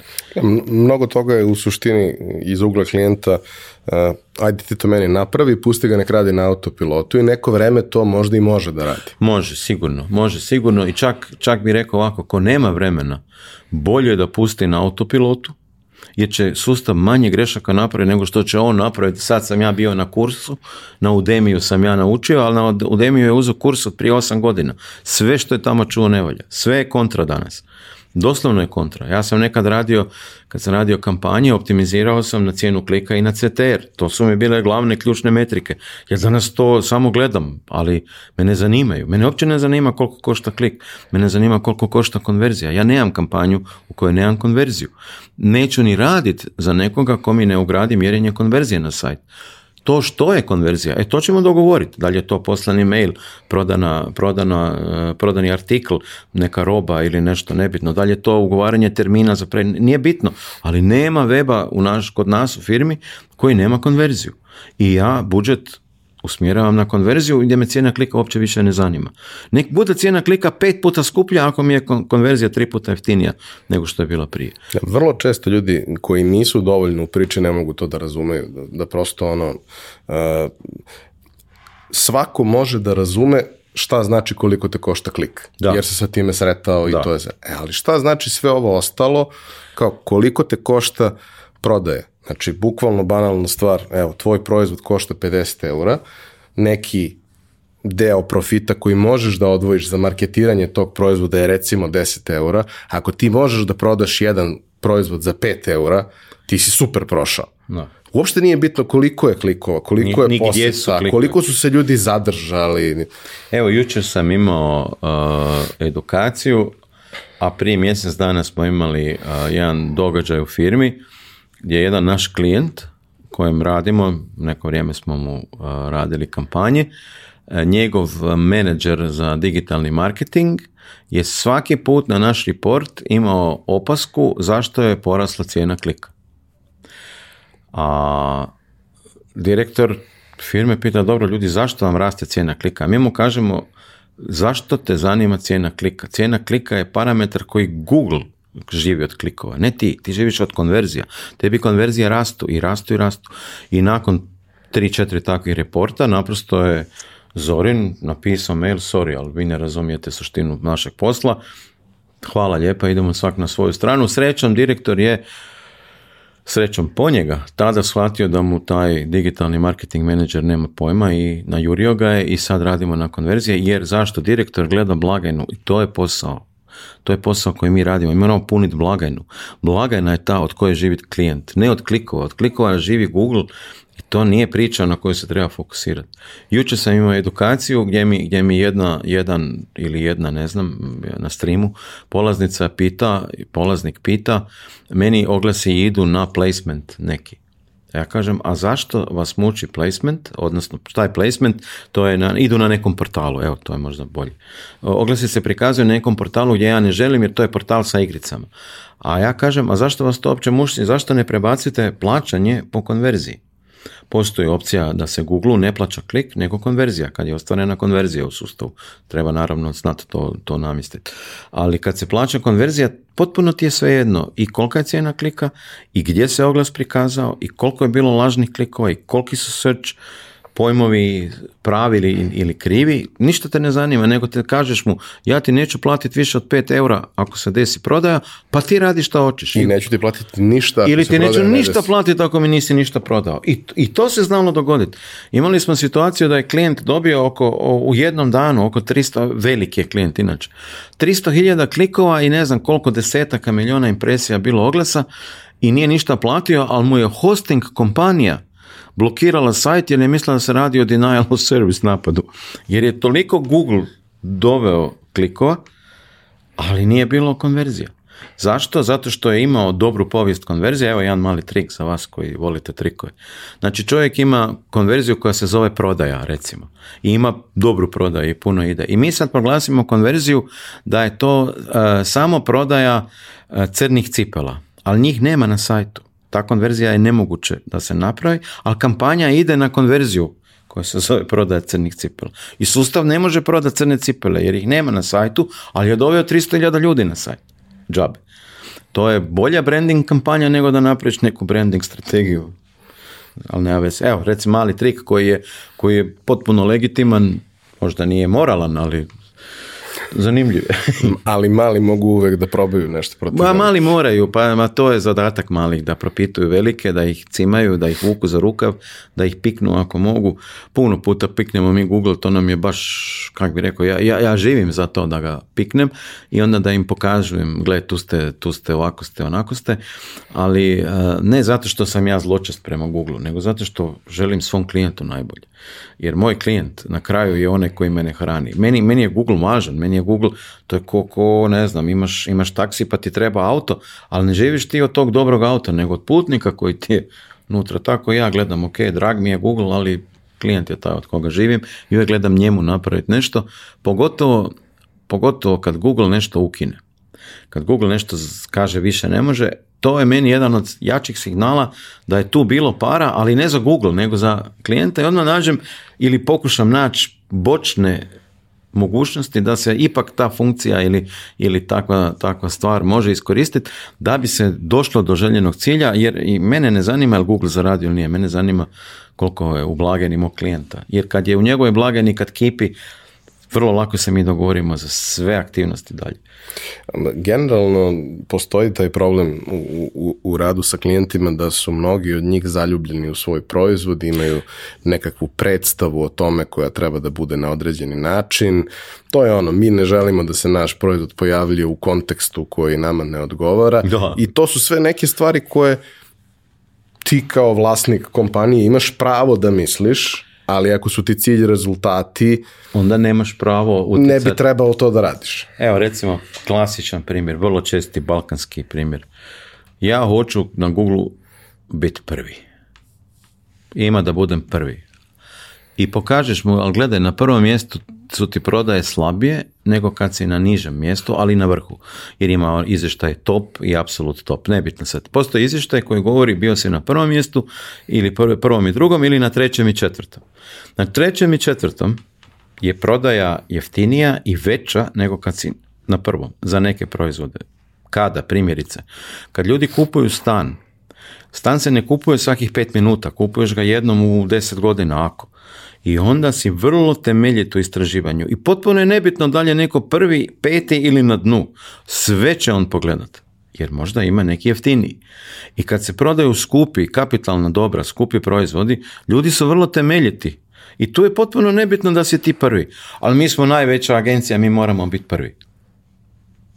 Ok, legitiman cilj, ajde molim vas da mi prekinemo suradnju, jer ćete vi meni kasnije reći da ja nisam dobro napravio, jer sam slušao vas što ste prvi. Pa nemojte se ljutiti, nisam ja tako mislio. Pa ako nisi mislio šta si rekao? Znači, ili pusti mene, zato se me i plaćaš, da ti napravim najbolje za onaj poslovni cilj koji te zanima, ili radi sam, ili nađi neko ko će te slušati. Opet legitimno. Nije prvo mjesto najbolje uvijek. Nije, čak, čak iz mog iskustva bi rekao da je, da je neko niže mjesto bolje jer jeftinije pa za iste pare donese više prodaje, ali o tom potom ne, da ne ulazim u teoriju e, licitacije. Ono što je ljudima bitno da shvate. Ako imaš biznis cilj, onda makni ego iz te priče. Nemoj biti prvi, nemoj bit nemoj kupiti billboard pred svojom kućom da te komšiluk vidi. Jer tamo je samo komšiluk koji onak zna za tebe i ne treba ti billboard tamo, još sa tvojom slikom. Stavi billboard tamo gdje milijardu ljudi prolazi svaki dan na stanicu ili negdje, jer ti trebaju kupci, a ne tvoj komšiluk. Oni te znaju, tvoja žena te zna, ti svako jutro izlaziš i diviš se svojoj slici na billboardu i tvoja žena se divi kako si dobro ispao.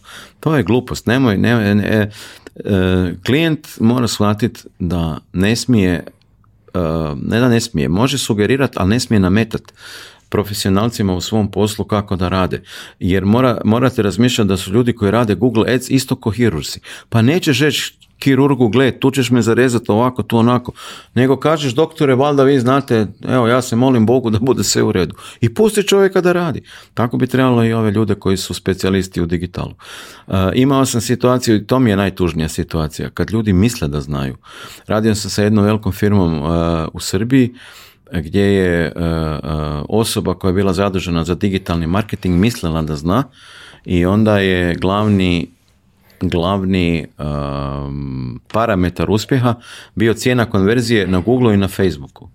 Ne shvaćajući da Pixel od Google i od Facebooka sebi knjiži konverziju bez obzira s kojeg kanala je neko došao, ako je u procesu tog uh, kupovanja neko kliknuo nekad na Face ili na Google i na kraju kupio Uh, i jedan i drugi kanal će reći je zbog mene, to je zbog mene. I onda mi je ta osoba, uopće ne razumijevajući kako radi analitiks i mjerenja i sve, uh, uh, objasnila da je Facebook konverzija tri puta jeftinija od Google i da će oni Google ukinut jer Facebook je taj koji donosi prodaju. Nažalost, nažalost, nepoznavanje metrika zato što škole ne uče ljude kako čitati podatke, a svi podaci, jamčim vam, svi podaci koje čitate u Google Analyticsu su netočni. Sve do jednog. I najtočniji, odnosno najmanje krivi podatak je samo jedan jedini. To je page view. Kad je došao upit na server, isporučujem mi stranicu. To je jedini podatak na koji se može sloniti, ali ne 100%, 90%. Ako ima kuki blokadu ili iOS 14, ne možeš se ni na to osloniti. Možeš dobiti podatak koliko je bilo nekakvih page view-a samo ako imaš server side tracking, ali to ima možda na prste jedne ruke u regiji ljudi. Dosta postoji tu, e, kažemo, kada analiziramo te stvari, dosta postoji kompleksnijih e, parametara koje treba gledati od i samo cene konverzije po, po svaku cenu. Vrlo često kada, kada pričamo na tu temu ne postoji idealno rešenje i nije za svaku stvar Google najbolji kanal, ima stvari za koje su i neke druge stvari dobri kanali, ali vrlo često kada pričamo opet, ako, ako banalizuješ stvari, posmatraš i na način mene konverzija sa kanala 1 košta 5 eura, sa kanala 2 me košta 15 eura i kanal 2 je meni tri puta skuplji ja to neću, a ne uzmeš u obzir kolika je prosječna vrednost te konverzije, koliko se dugo zadržavaju ti ljudi, jer ako je on došao jednom i potrošio nešto, i ako je došao sedam puta i potrošio nešto, to prosto nisu iste stvari, a sve ti, svi ti parametri u suštini mogu da se prate. Samo treba da postoji svest o tome da treba da ih uzmeš u obzir može se puno toga pratiti.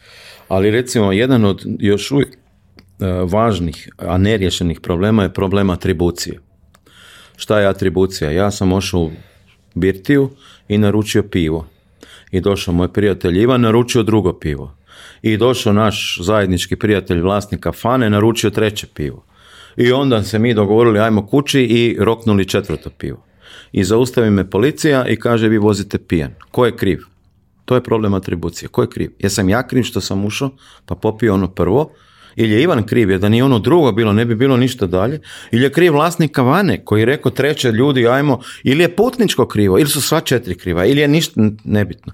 Problem atribucije je jedan od problema e, koji koje ljudi ne razumiju u tim mjerenjima, mjere, ali ne razumiju.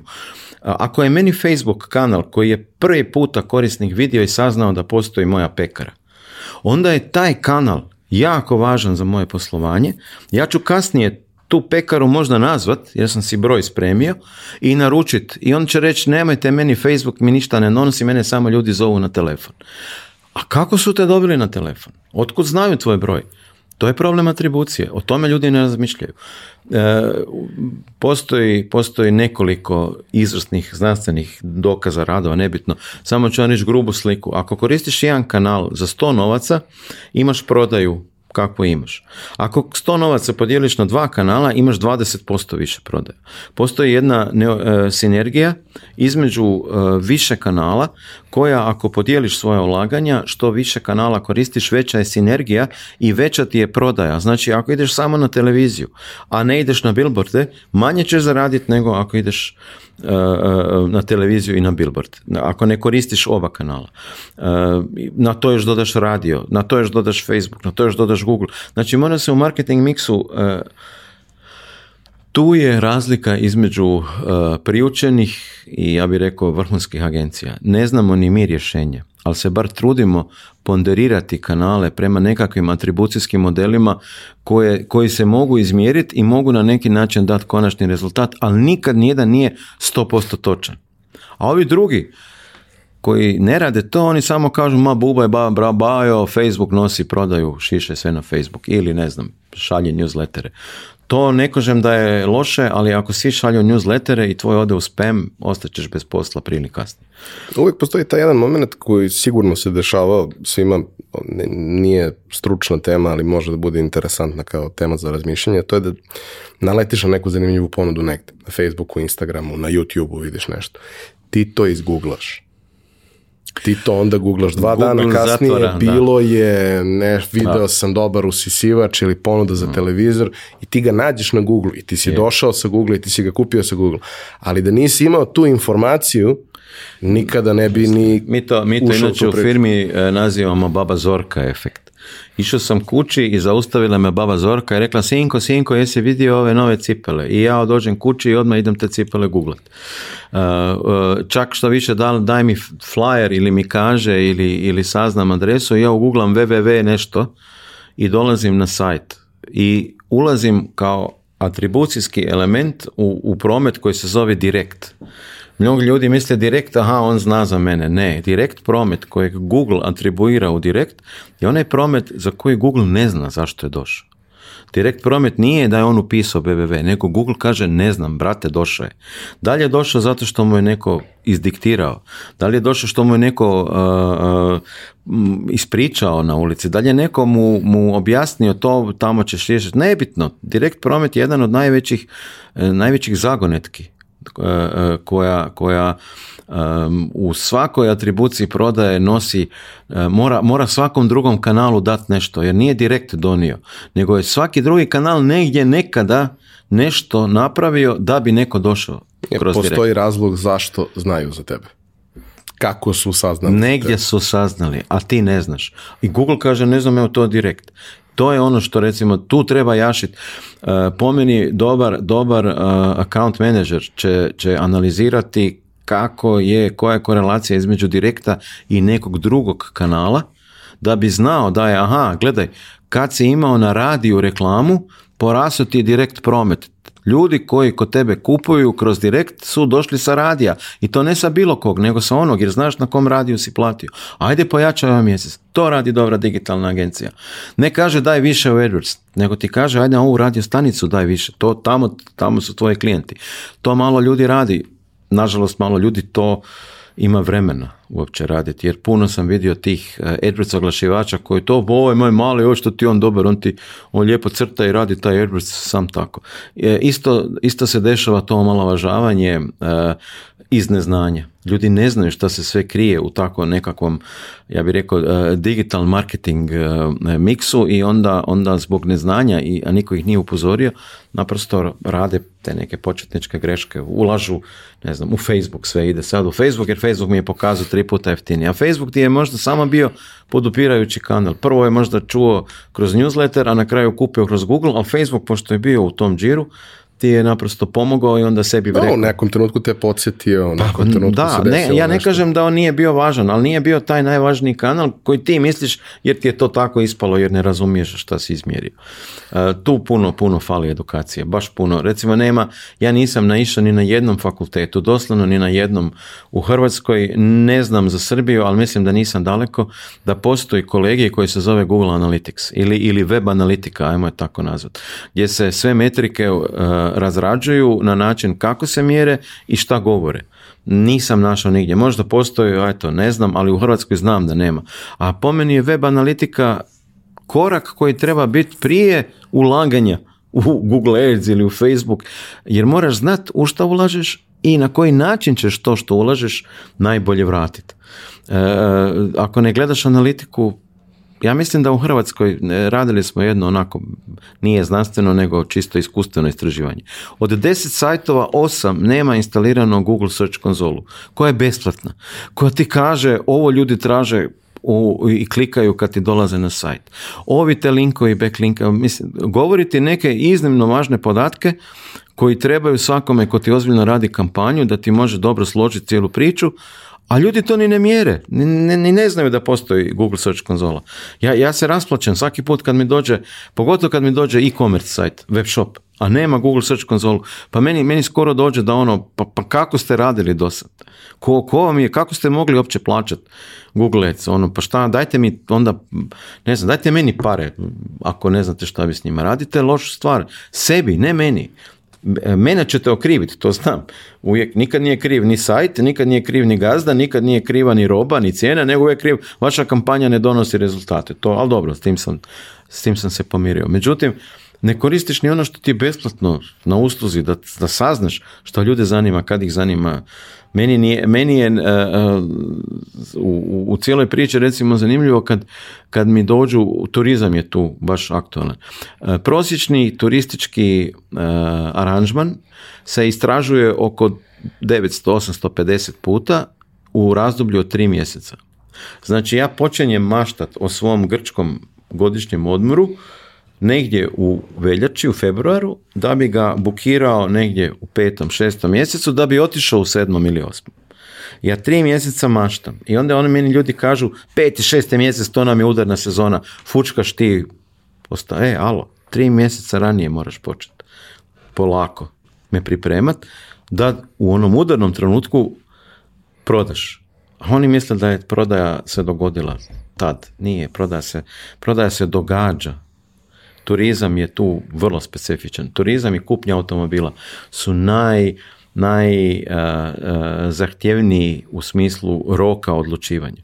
Ljudi ne kupuju auto, odu u salon, daju ovog. Dva. Ljudi istražuju, uživaju, gledaju, pitaju, eh, hoće probnu vožnju, svašta nešto hoće u tom ciklusu odlučivanja. Da budu sigurni da nisu pogriješili, jer je velika ponuda automobila i skupi su i uglavnom na kredit. Velika je ponuda, e, veliki je novac, ajde kod letovanja ne mora nužno da bude nekakav ogroman novac, ali iz ugla većine ljudi to je važan događaj. Emotivno, Ti se pripremaš pola godine ili godinu dana za tih 15 dana mora i tebi je stvarno važno da tih 15 dana i taj novac koji si odredio, koji možda nije ogroman, nije, ne može se porediti sa vozilom, ali može da se poredi sa onim koliko te auto košta za godinu dana. Ne, može, ali, ali e, tu je e, ono što bi ja rekao, razočarenje u doživljaju je nešto što pamtiš cijeli život. I doživljaj, turizam je doživljaj i ako si krivi doživljaj odabrao, to nećeš nikad zaboraviti. I to boli. I zato se ljudi pripremaju da ne bi bilo boli, da ne bi bilo razočarenje. A ovi koji prodaju misle događa se tad odnosno najveća prodaja nam je tad nije, brate, počela je.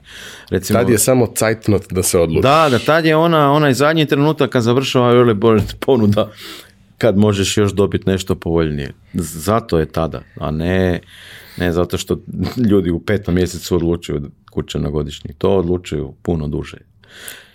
E, jedna od stvari koju bih isto volao da pitam, a nismo se toga dotakli prethodni put, a mislim da, da je negde važno.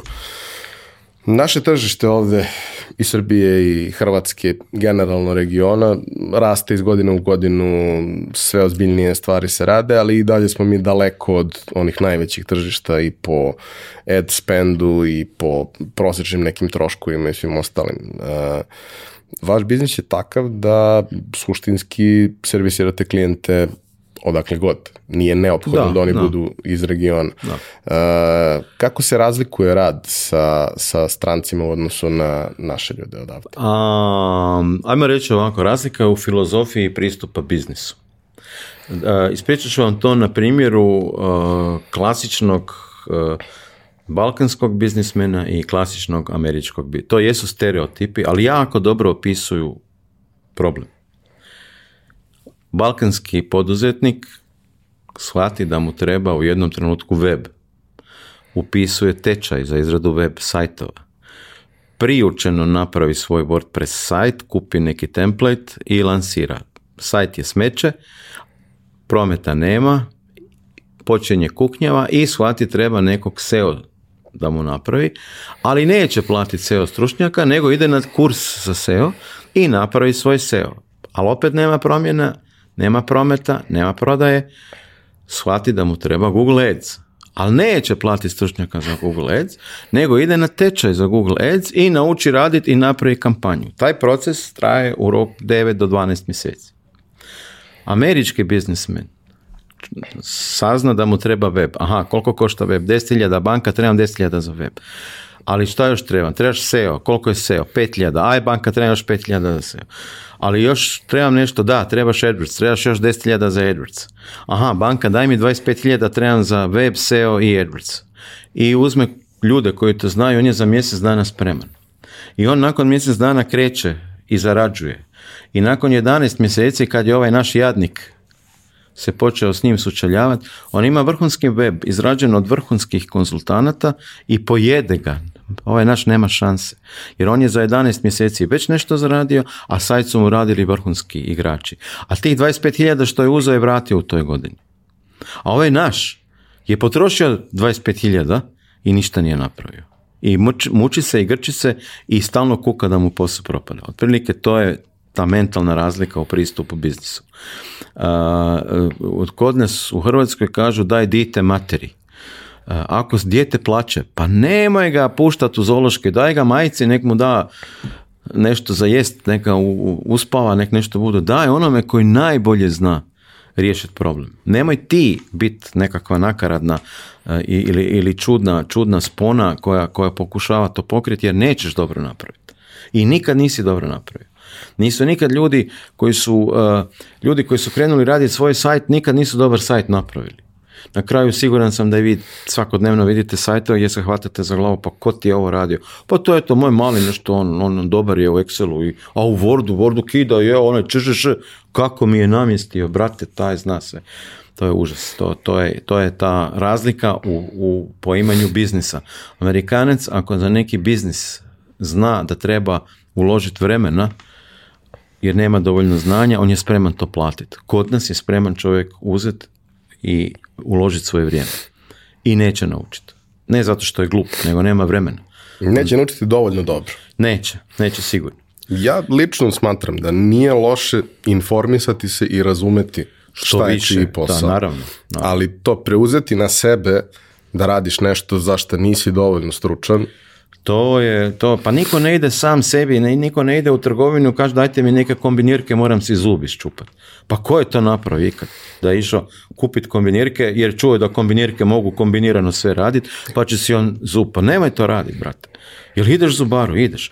Kad ideš na sud, jel ideš ti ili uzmeš advokata, odvjetnika? Pa ne ideš sam, ideš s odvjetnikom. Pa kad ideš u poreznu upravu, pa ideš sam, ne ideš, uzmeš računovođu. Ne razumiješ ti taj njihov jezik. Ali za web, za web su svi stručnjaci. Pa brate, kad ideš raditi web, uzmi web konsultanta.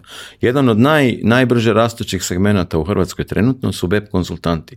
Najčešće su to ljudi koji su se zasitili webova, ali znaju dovoljno o developmentu, o SEU, o cijelom, ti ljudi trenutno najviše posla imaju i ljudi su shvatili, aha, trebam advokata, trebam tog web konzultanta jer ja pojma nemam i onda web konzultant u stvari bude taj koji utjeruje razne agencije u red. Mi kad smo radili webove, znači pričamo od 2003. do, do 2009. Ja skoro nikad s klijentom nisam razgovarao. Ja sam, svaki kontakt je išao preko web konzultanta. Svaki. Jer smo radili uglavnom i UK i Danska i Skandinavija tako. Uglavnom, ne uglavnom, ja, ne, ja nikad nisam imao kontakt sa, sa klijentom. Možda su nekad, nekad imali neki, neki klijenti direktan kontakt sa developerom jer je trebalo nešto ubrzati, ajde, hal, sad vam ne mogu ja, aj probajte nazad, nešto hitno treba, nema veze. To, to je, ali to je bio toliko iznimno i toliko rijet, rijetko postavljen slučaj da ono, ne možeš na prste jedne ruke. Šta će ti klijent? Nema šta, klijent je rekao šta hoće, konzultant je to preveo na developerski jezik, na IT jezik, it to rade i super, i svima, za, svima dobro.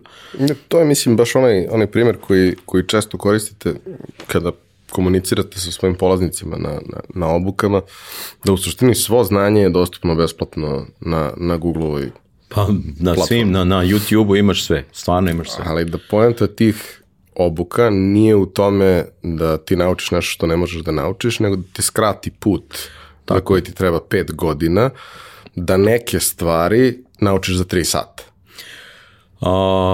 sad, dalje moraš da probaš. Moraš. Ali možeš da eliminišeš veliki procenat onoga što ne moraš da probaš.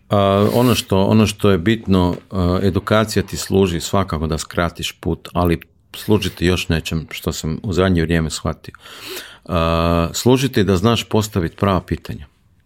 Jer možda si shvatio na edukaciji da to nije za tebe, ali ako postaviš prava pitanja agenciji ili osobi koja će ti to raditi, sasvim drugačije će ta osoba pristupiti tvom problemu, odnosno tvojoj kampanji ili tvom webu, jer zna da, da razgovara s nekim ko zna postaviti opaka pitanja.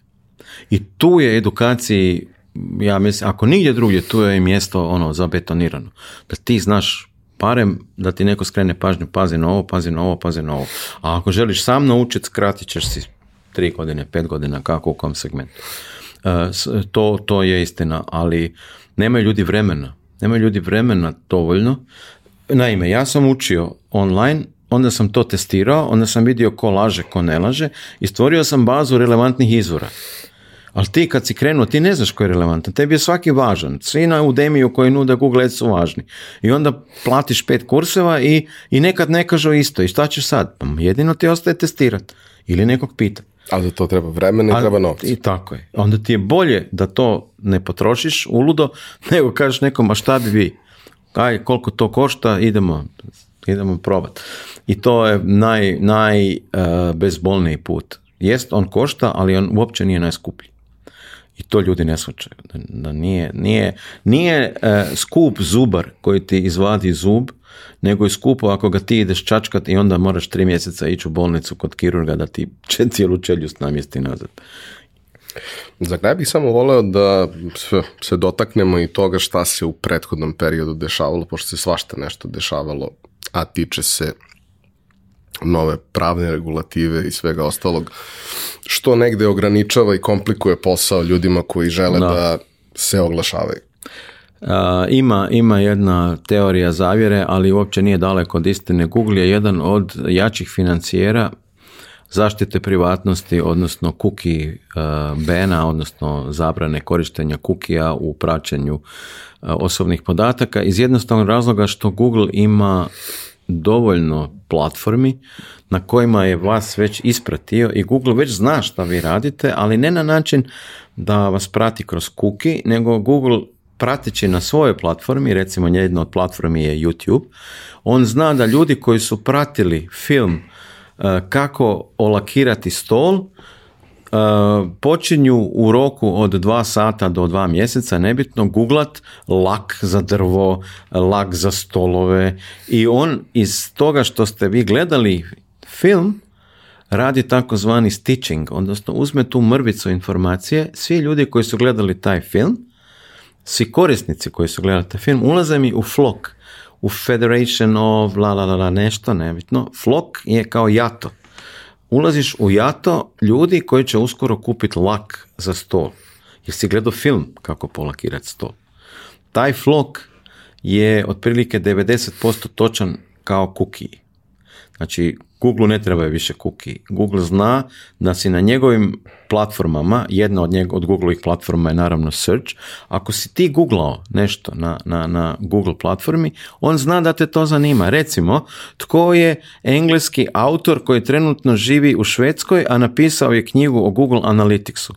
Takvih i nemate 750.000, imate jednog jedinog, zove se Brian Clifton. I čovjek zna, i Google zna, ako si to googlao, tebe zanima taj a sve koje zanima taj, vjerojatno zanima i nešto o Google Analyticsu, a onda su možda spremni otići u flok koji se zove Analytics konferencija. Lupam na pamet. Znači ono što ljudi, što ljudi ne znaju, kuki koji se uvodi, kuki direktiva, kuki zabrana, e, je samo jedan mali segment e, praćenja. Vas Google ima pravo pratiti e, na način da gleda šta se kod mene gledalo. Jer to su njegovi first party podaci. To su Google, YouTube filmovi su Googleovi filmovi. Pretrage koje radite na Google su na Googleovoj platformi. Uh, kad idete na Google Maps, vi Google pitate gdje je najbliža ćevabđenica. Pa ako tražiš ćevabđenicu, nećeš upast u flok vegani i vegetarijanci, nego ćeš upast u flok mesažderi ćevapi. Uh, I na temelju tih platformi koje Google ima, ima i Wikipediju, ima, ima osam platformi sa milijardu i nekoliko desetaka platformi od 10 do 100 do, do 500 milijuna korisnika, recimo jedna od uh, čestih je Wikipedia, Google Translate i tako dalje. Google koristeći sve te podatke koje skuplja sa svih svojih platformi, pravi flok, odnosno pravi jato, odnosno pravi e, skupinu ljudi koje bi moglo zanimati nešto i onda ako ste vi gledali YouTube film, ako ste ovo googlali, ako ste ovo na Google Maps upisali, onda vas Google gađa oglasima za, one, za, za jato, e, e, oglasima predviđenima za jato mesaždera koji žive u Beogradu, a kupuju upravo čuvape. Ja, ali to je ono, ti si i pre mogao da postavljaš nekakve svoje setove kriterijuma i da sakupljaš neke svoje podatke Sada u principu možeš da imaš isti rezultat, ali moraš da platiš njima da bi dobio podatak. Ti si mogao to skupljati kroz kukije u svoje baze i onda to koristiti. Sad to više nećeš moć, sad da bi to isto radio, a 90% je Google tvrdi da je to isto, sad ćeš morat Google plaćati. I zato Google kaže pa da, da, da, treba štititi privatnost, maknete te kukije, sram vas bilo. Jer kuki te mogu dovesti do krajnjeg korisnika, do osobe. Flok te ne može odvesti jer, jer Google kaže samo napadaj oglasima ljude koji su gledali ovaj film, a kako Google zna koji su gledali film? Zna zato što je film njegov resurs i zna da su ljudi koji su, a pogotovo još oni koji koriste Chrome, a onda još Chrome ima instaliran na Androidu, a onda još taj Android e, ima kao Google Search kao osnovnu. Mislim, aj budimo realni, znaju, znaju o vama jako puno i ne, ne moraju uopće znati koja ste osoba jer znaju da s vašeg uređaja signali koje dolaze govore točno šta vas zanima u danom trenutku. I zato je Google i, i napravio te flokove i Google će uskoro kompletno onemogućiti korištenje kukija u kromu, to je već najavio, samo je sad odgodio, jer su veliki oglašivači e, e, stisnuli Google. E, znači nije to Google napravio zbog nas korisnika, nego je htio zbog velikih oglašivača onemogućiti korištenje kukija da oni ne mogu raditi remarketing liste i skupljati korisnike. I sad je Google popustio, ok, ajde daću vam još dvije godine da se pripremite, ali Google je već spreman. Google ima sve, sve Imamo mi vremena. imamo mi vremena, da. Gospodine Varga, hvala na jednom divnom razgovoru. Ja se nadam da ovo neće biti ovaj, posljednje gostovanje. Pa ne znam, godine su moje velike, možda treći put na groblju budemo. pa ja se nadam da nećem. mislim, ne žuri mi se, mislim da se ne razumijemo krivo. I dalje mi nemamo drugog i omiljenijeg gosta koji nosi tregera. E, da, to, to, to. Evo vam, evo vam recimo jedan, to je čisti marketinški trik. Kad dođem pre studente e, Držat držati predavanje, jako mali broj zapamti ime, ali svi kažu, ujebote, ko je ovaj s tregerima? Uh, napravite nešto, uzmite broš, stavite si tetovažu na čelo, imajte kapu, imajte minđušu u nosu, imajte nešto po čemu će ljudi ne zapamtiti ime, nego ja, što je ovaj sa minđušom dobar. To vam je čisti marketing. To je ono kad kokoš snese jaje i počne kokodakat, svi u selu znaju da je snijela jaje. Hvala još jednom. Hvala vama što ste nas slušali i gledali. kao i do sad sve svoje predloge, sugestije, pitanja napišete u komentarima, a ja ću se postarati da, da na njih dobijete odgovore. E, bilo je zadovoljstvo, e, nadam se da, da je i vama bilo zanimljivo. To bi bilo to, čujemo se i vidimo sljedeće nedelje.